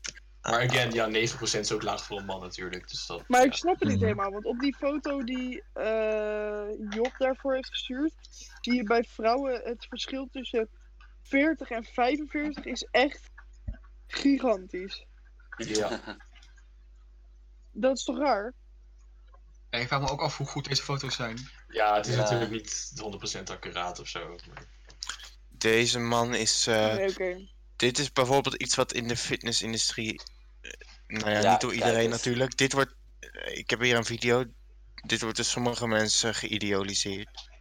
En dat is iemand die. eh, Oh nee, oh nee, oh echt, nee, oh nee, echt oh nee, maar oh nee, 1% oh nee, heeft. Nee, nee, nee, Of nee, 2%. nee, nee, En dat. Dan kan je zeg is maar. Oké, deze afbeeldingen zijn ook wel een beetje high contrast edit, maar dat, Dat is wel waar, maar. eh, echt heel veel. Dat, Voor de kijkers, vind dat of echt- eh, luisteraars bedoel ik, wees blij dat je geen kijker bent. hoezo? nou, dat valt wel mee. Dit is toch niet zo erg. Maar je ziet gewoon als een spiervezels lopen. En dat is Nou, best wel ik vind- insane. Ik vind het echt alien vind- levels aan disgusting. Ja. Maar ja, dat ben ik. inderdaad. Ik Dat vind ik. dit echt niet mooi. En ik zou dit, zeg maar, als ik een man zou echt niet nastreven. Ah shit man. Ja, maar sommige mensen gaan er actief achterna. Het is- in principe zou je kunnen stellen dat het een andere vorm eh anorexia is, maar dan gefocust Ja. op spieren in plaats van gewichtsverlies. Nou, dat komt wel over als een soort dwangneurose van spieren creëren. En eh, in plaats van bijvoorbeeld heel weinig te eten, wat ze ook doen, doen ze ook eh watercuts en waterdrinks. Dus dan doen ze water uit een systeem werken, meer dan gezond is voor je, om zo'n eh, uiterlijk te bereiken. Die is misschien beter. Ja. Ja, misschien is die inderdaad beter. Ja, oké. Nou ja, lastig op zich. Maar ik vind het eh, Maar dit is ongezond. wel. Ik vind het wel belachelijk, zeg maar, dat mensen gewoon zonder erbij na te denken zoiets proberen te bereiken, slash eh, er zo uit willen zien of zo. Want dat is daadwerkelijk ongezond. Nou nee, dat, dat is zeker ongezond. Daarmee kan je... Ja, oké, maar dat, dat orgaanfalen weet jij. creëren Maar en ik zo. denk, niet, ik denk niet dat iedereen dat beseft. dit, dit soort bodybuilders of atleten die eh fitnessmensen, bodybuilders-achtige types, die dit doen, die sterven vaak aan eh, hartaanvallen of andere eh, orgaanfalen. Soms Ja. door de anabolen of soms door de gigant die ze constant voor wedstrijden uit hun lichaam pompen. En dat is eh, ja, een beetje triest dat het nodig Maar op een is. gegeven moment moet je toch zelf bewust zijn, want dan ben je zo bezig met je eigen lichaam en zo, ben je helemaal aan het veranderen en Ze- zo, dan moet je wel zo'n beetje meer kennis hebben over je eigen lichaam, of tenminste Zij- over je lichaam, weet je wel. Ja, Ze zitten in dat wereldje. In die wereld is dat gewoon heel normaal. Tenminste, ze weten dat er risico's aan zitten, maar zij vinden het het waard om eh, een poging te hebben om het te maken in de fitnesswereld. Dat of ze, ze, ze, ze, ze realiseren niet eens echt wat de risico's zijn. Dat kan ook, dat ze gewoon zo vast zitten in het, in het beeld dat heel veel spieren hebben zo mooi is dat ze gewoon überhaupt vergeten te kijken naar de risico's. Hoe heet dat ook weer? Dysforie of zo? Cognitive dissonance. Ja? Je Ja, hebt ook? Of is, dat, of is dat alleen voor geslacht? Weet ik niet. Ja, cognitive dat dissonance betekent dat je, dat je twee beelden in je hoofd kan hebben. eh, en dat je dan weet dat ze niet met elkaar eens zijn. En dat je op wil kan kiezen welke waar is. Dysphoria is volgens mij dat je je niet helemaal thuis voelt in je lichaam. En dat Oh, dat. transgenders hebben Ja, dan dat gender dysphoria. En, en dat is dat je je niet identificeert met je eigen geslacht. Maar kan je dat ook, zou je dat ook kunnen hebben met, qua spieren? Goeie Ik vraag. Ja, maar ik denk dat dat misschien hoort bij je niet thuis voelen in je eigen lichaam. Oh, het heet, het heet dysmorphia, niet dysphoria. Bigo, bigorexia heet het in het Nederland. Of nee, ook in het Engels. de dysmorfie gewoon, Bigorexia. Musseldysmorphia, ja. Dat je... Stoornis van de lichaamsbeleving. Wordt Ja. ook genoemd. Ja, dus dat is, dat is daadwerkelijk dat je het gevoel hebt dat er echt iets fout is met jouw lichaam, terwijl dat in werkelijkheid eh, niet zo is. Als in, zeg maar, dat, dat er echt, niet per se medisch, maar dat er gewoon echt iets mis is, terwijl eigenlijk iedereen zoiets heeft van, nou, dat is gewoon niet zo. En ook als het objectief gewoon niet zo is. Ja. Ja, inderdaad. Als ik in de spiegel kijk, zie ik altijd gewoon de grootste man in de wereld staan. Dus ik denk dat ik het aan de zon heb.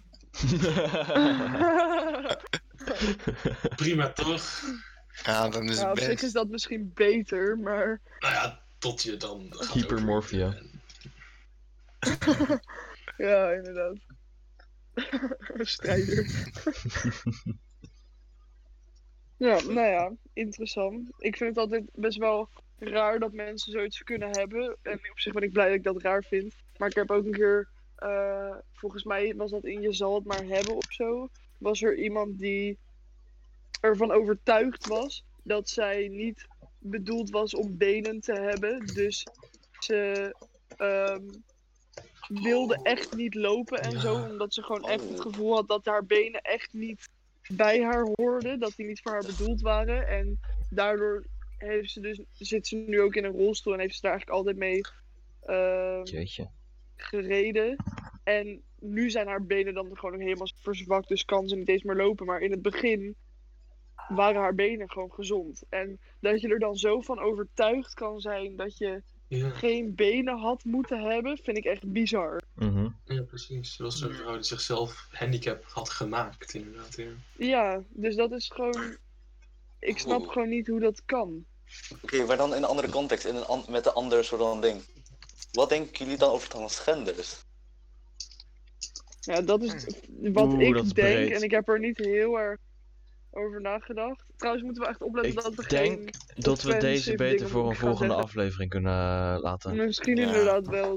Het is ook bijna Het is bijna tien 10 uur. uur. Ja, ik denk dat het inderdaad heel breed is. En dat is ook best wel iets. Misschien even over moet nadenken. En wat overigens, mochten we daadwerkelijk luisteraars krijgen, best offensive zou kunnen zijn. Ja. Ja, maar eh, dat zijn zes toch gaan aantrekken. nauwelijks volwassenen. We, we denken gewoon, we, we vinden wat te denken. En als iemand er niet mee is, dus kan hij gewoon, weet ik veel, ik, ik zet wel ergens een mail of zo op de site waar ze dan naartoe kunnen mailen. En dan eh moet ze het zo ja, maar doen. het gaat het is niet alsof we niet luisteren. eens zijn. Maar nee, Ja. oké, maar het is zeg maar. Ja, oké, ja. Je kan wel is echt disclaimer. mensen pijn doen met je mening, zeg maar. Ja, maar dan, dan dat, dat Maar is... op zich, inderdaad, we zijn allemaal rond de 18. En dan betekent dat inderdaad dat je eh, gewoon nog niet genoeg kennis over het onderwerp hebt als je een. Ja, ik denk dat als Wat iemand, zij vinden als iemand ons serieus hebben. genoeg neemt om offended te worden van wat wij denken, dan is dat meer een probleem bij hun dan bij ons. Misschien inderdaad. Overigens, die vrouw eh, als je boos wordt om meningen Wacht wat, eh, laat Gustav eens uitpraten. Oh. een. ze noemden het een disorder. Ze noemden het body, body integrity identity disorder. Which Ja. means that she wishes she could live her life in a wheelchair. Wauw. Dat vind ik echt bizar. Dus die noemen het Ja, ook wel echt een disorder. Ja, het, is ook, het zit ook echt in haar hoofd. En dat, ik vind dat echt Ja, en in de benen. zo. Ja, daar kan je ik dus vind niet dat echt. Nee, dat kan je inderdaad niet zeggen. Maar ik Oh, vind dat echt zo bizar dat je dat dat kan of zo. Ja, En situatie ik, waarin... ik ben heel blij dat ik dat bizar Ja, I guess. Waarin gezonde mensen geloven dat ze bedoeld waren om gehandicapt te zijn. Mm, Dat is toch wat wil jij zeggen? Daar moet ik even nadenken. Wat- Maar ehm, nog Dat geeft even. niet. Nog Eh, even ja, dat was over dat mensen offended zijn. Dat is... eh, Dat mensen je, zijn? sowieso als je, als je boos wordt om een mening van iemand anders, dan, dan heb je zelf een gebrek aan volwassenheid, lijkt mij. Want je kan ook gewoon Ja, praten Ja, over maar sommige dingen, ja, dat is waar. Sommige dingen rondom transgender zijn gewoon echt een mening, snap je? Ah, ik denk dat Ja, niemand dat- hier substantieel tegen transgenders is. Dus dat mensen, weet ja, je, oké. met de- maar er zijn wel aspecten ervan die je wellicht eh, kan bespreken. Waar in- Ja, oké, interessante meningen over te vinden zijn. Ja, ik denk dat we gewoon hier gewoon als zo best wel volwassen hierover kunnen spreken. En ik denk niet dat we zo dan echt helemaal op moeten letten op, eh, op wat we zeggen. Want anders is het gewoon niet meer leuk. Of tenminste niet meer. Ja, ja, ik weet niet. Het zou wel zo dan de vrijheid opnemen om zo alles te zeggen wat je wilt, weet je wel, in deze podcast. niet de meest Ja. politiek Ja, correcte podcast te zijn, nee. Precies. Nee, dat, dat, dat wou ik De zeggen, niet ja. PC PC. overigens, de kans dat we überhaupt luisteraars krijgen is best wel klein. Aangezien ik persoonlijk geen twee uur lang zou luisteren naar jongvolwassenen waarvan ik geen idee heb dat ze überhaupt bestonden. eh, met een mening over van alles en nog wat. Ja, Simone wilde wel luisteren, dus ik heb je de link gestuurd. Maar ik denk, Nee. dat het daar wel ophoudt op zich. Maar ik denk dat, ze zelfs, dat zelfs zij na 10 minuten echt zou kappen met luisteren. Ja, het het hele idee van een podcast is dat er een achtergrondgeluid is. Ja, Ja, dat wel. Misschien ja. dus het gaat meer om of de stem wel een beetje lekker klinkt. Maar daarbij is Nou, daar hebben we er zes van. ASMR. Oh, die, oh, die moeten we ook Oh, goed onderwerp voor de volgende. Zullen we één keer een ASMR-podcast Ah, sowieso. Ja, echt wel. Absoluut. Nee. Dat gaan we doen. Nee. Absoluut. Nalingen. Absoluut gaan Ik heb, daar, ik heb daar de mic ook niet voor. Ik weet eigenlijk niet aan welke kant van mijn AirPods Dat mijn is zo naar. Jongens, jongens. Oké, allemaal Welkom bij de podcasters. Ik heb de We kast. kunnen wel een cluster-episode doen. Dat is op zich al disturbing op zich. Oh, als we gewoon eentje om 3 am doen, dan moeten we allemaal wel. eh, dan moeten we allemaal wel. ES Ik denk dat als we er daadwerkelijk een keer een om 3 am gaan doen, dat ik gewoon naar buiten vlucht om lekker in de buitenlucht naar de sterren te kijken terwijl we een podcast aan het opnemen zijn. Dat Op lijkt zich me lijkt me dat best wel heerlijk. geweldig. Vandaag bij onze ASMR podcast hebben wij een kibbeling giveaway. Je Nee, kan het er stop, goed stop. in vinden. ja, oké. Eh, ik denk dat dit het einde was van onze podcast. Ik hoop dat als je hier bent gekomen, je nog leeft. Want het was best raar. Het was best een ervaring. Stof een like als je zin hebt in de volgende. Bedankt. Like. Ik weet niet of we kunnen. Nou ja, als op YouTube wel Like en subscribe. Op Spotify ook, hè? Een hartje. Share with your friend. Subscribe vooral als je nog meer ehm, dit wil horen. Met wilt. in de volgende aflevering heel misschien een discussie over transgenders. Maar dat Hopelijk niet, maar We kunnen ook wat heel. Fucking transgenders. oei. Gaat het over fucking transgender? We Ik gaan transgenders transgenders. Dat is een interessant. Daar heb ik een hele, een hele theorie over. God. Ja, Ja, stay tuned. Dit- Schrijf is, op. dit is, ge- dit is gelinkt aan anime. Dit is gelinkt aan anime. Ik heb hier hele theorie over opgesteld, joh. En Is het klaar? Eigenlijk mijn expertise. Druk op stop, please. We moeten wel, we moeten wel een outro doen, toch of niet? Oh ja, Of is ja. het gewoon Eh, de zes mensen die gewoon... best een goede auto, wat bedoel je? De Oké. Oké. Oh, oké. niet de intro en outro van Sesamstraat doen? Dan kan je Oh, beter die van de. Teletubbies doen. Die is... dan- Nee, maar wij zijn, dan, dan is het niet aan ons. Nee, dat is vet lullig, want onze groep als geheel is de Sesamstraat. Dit is niet de Ja, precies. Wij zijn niet de Sesamstraat. Nee. Uh, Ja, vindt die Sesamstraat luisteraar, we zijn niet autistisch. Het maakt Maar überhaupt uit. Dat zou best wel geniaal zijn. Gewoon een podcast met zes volledige autisten. Nou, Daar zou ik voor Ja, dan moet er wel, Fucking dan moet er wel een gesprek komen, hè? Want Als het allemaal autistisch zijn, dan is dat er gewoon geen gesprek gaat komen. Ja, oké. dan Nou, heb je één autistische host nodig die dat echt neurotisch is over het feit dat hij goed wil hosten. Ja, oké. En Eh, dit is wat hoe je autisten over de hele wereld offent.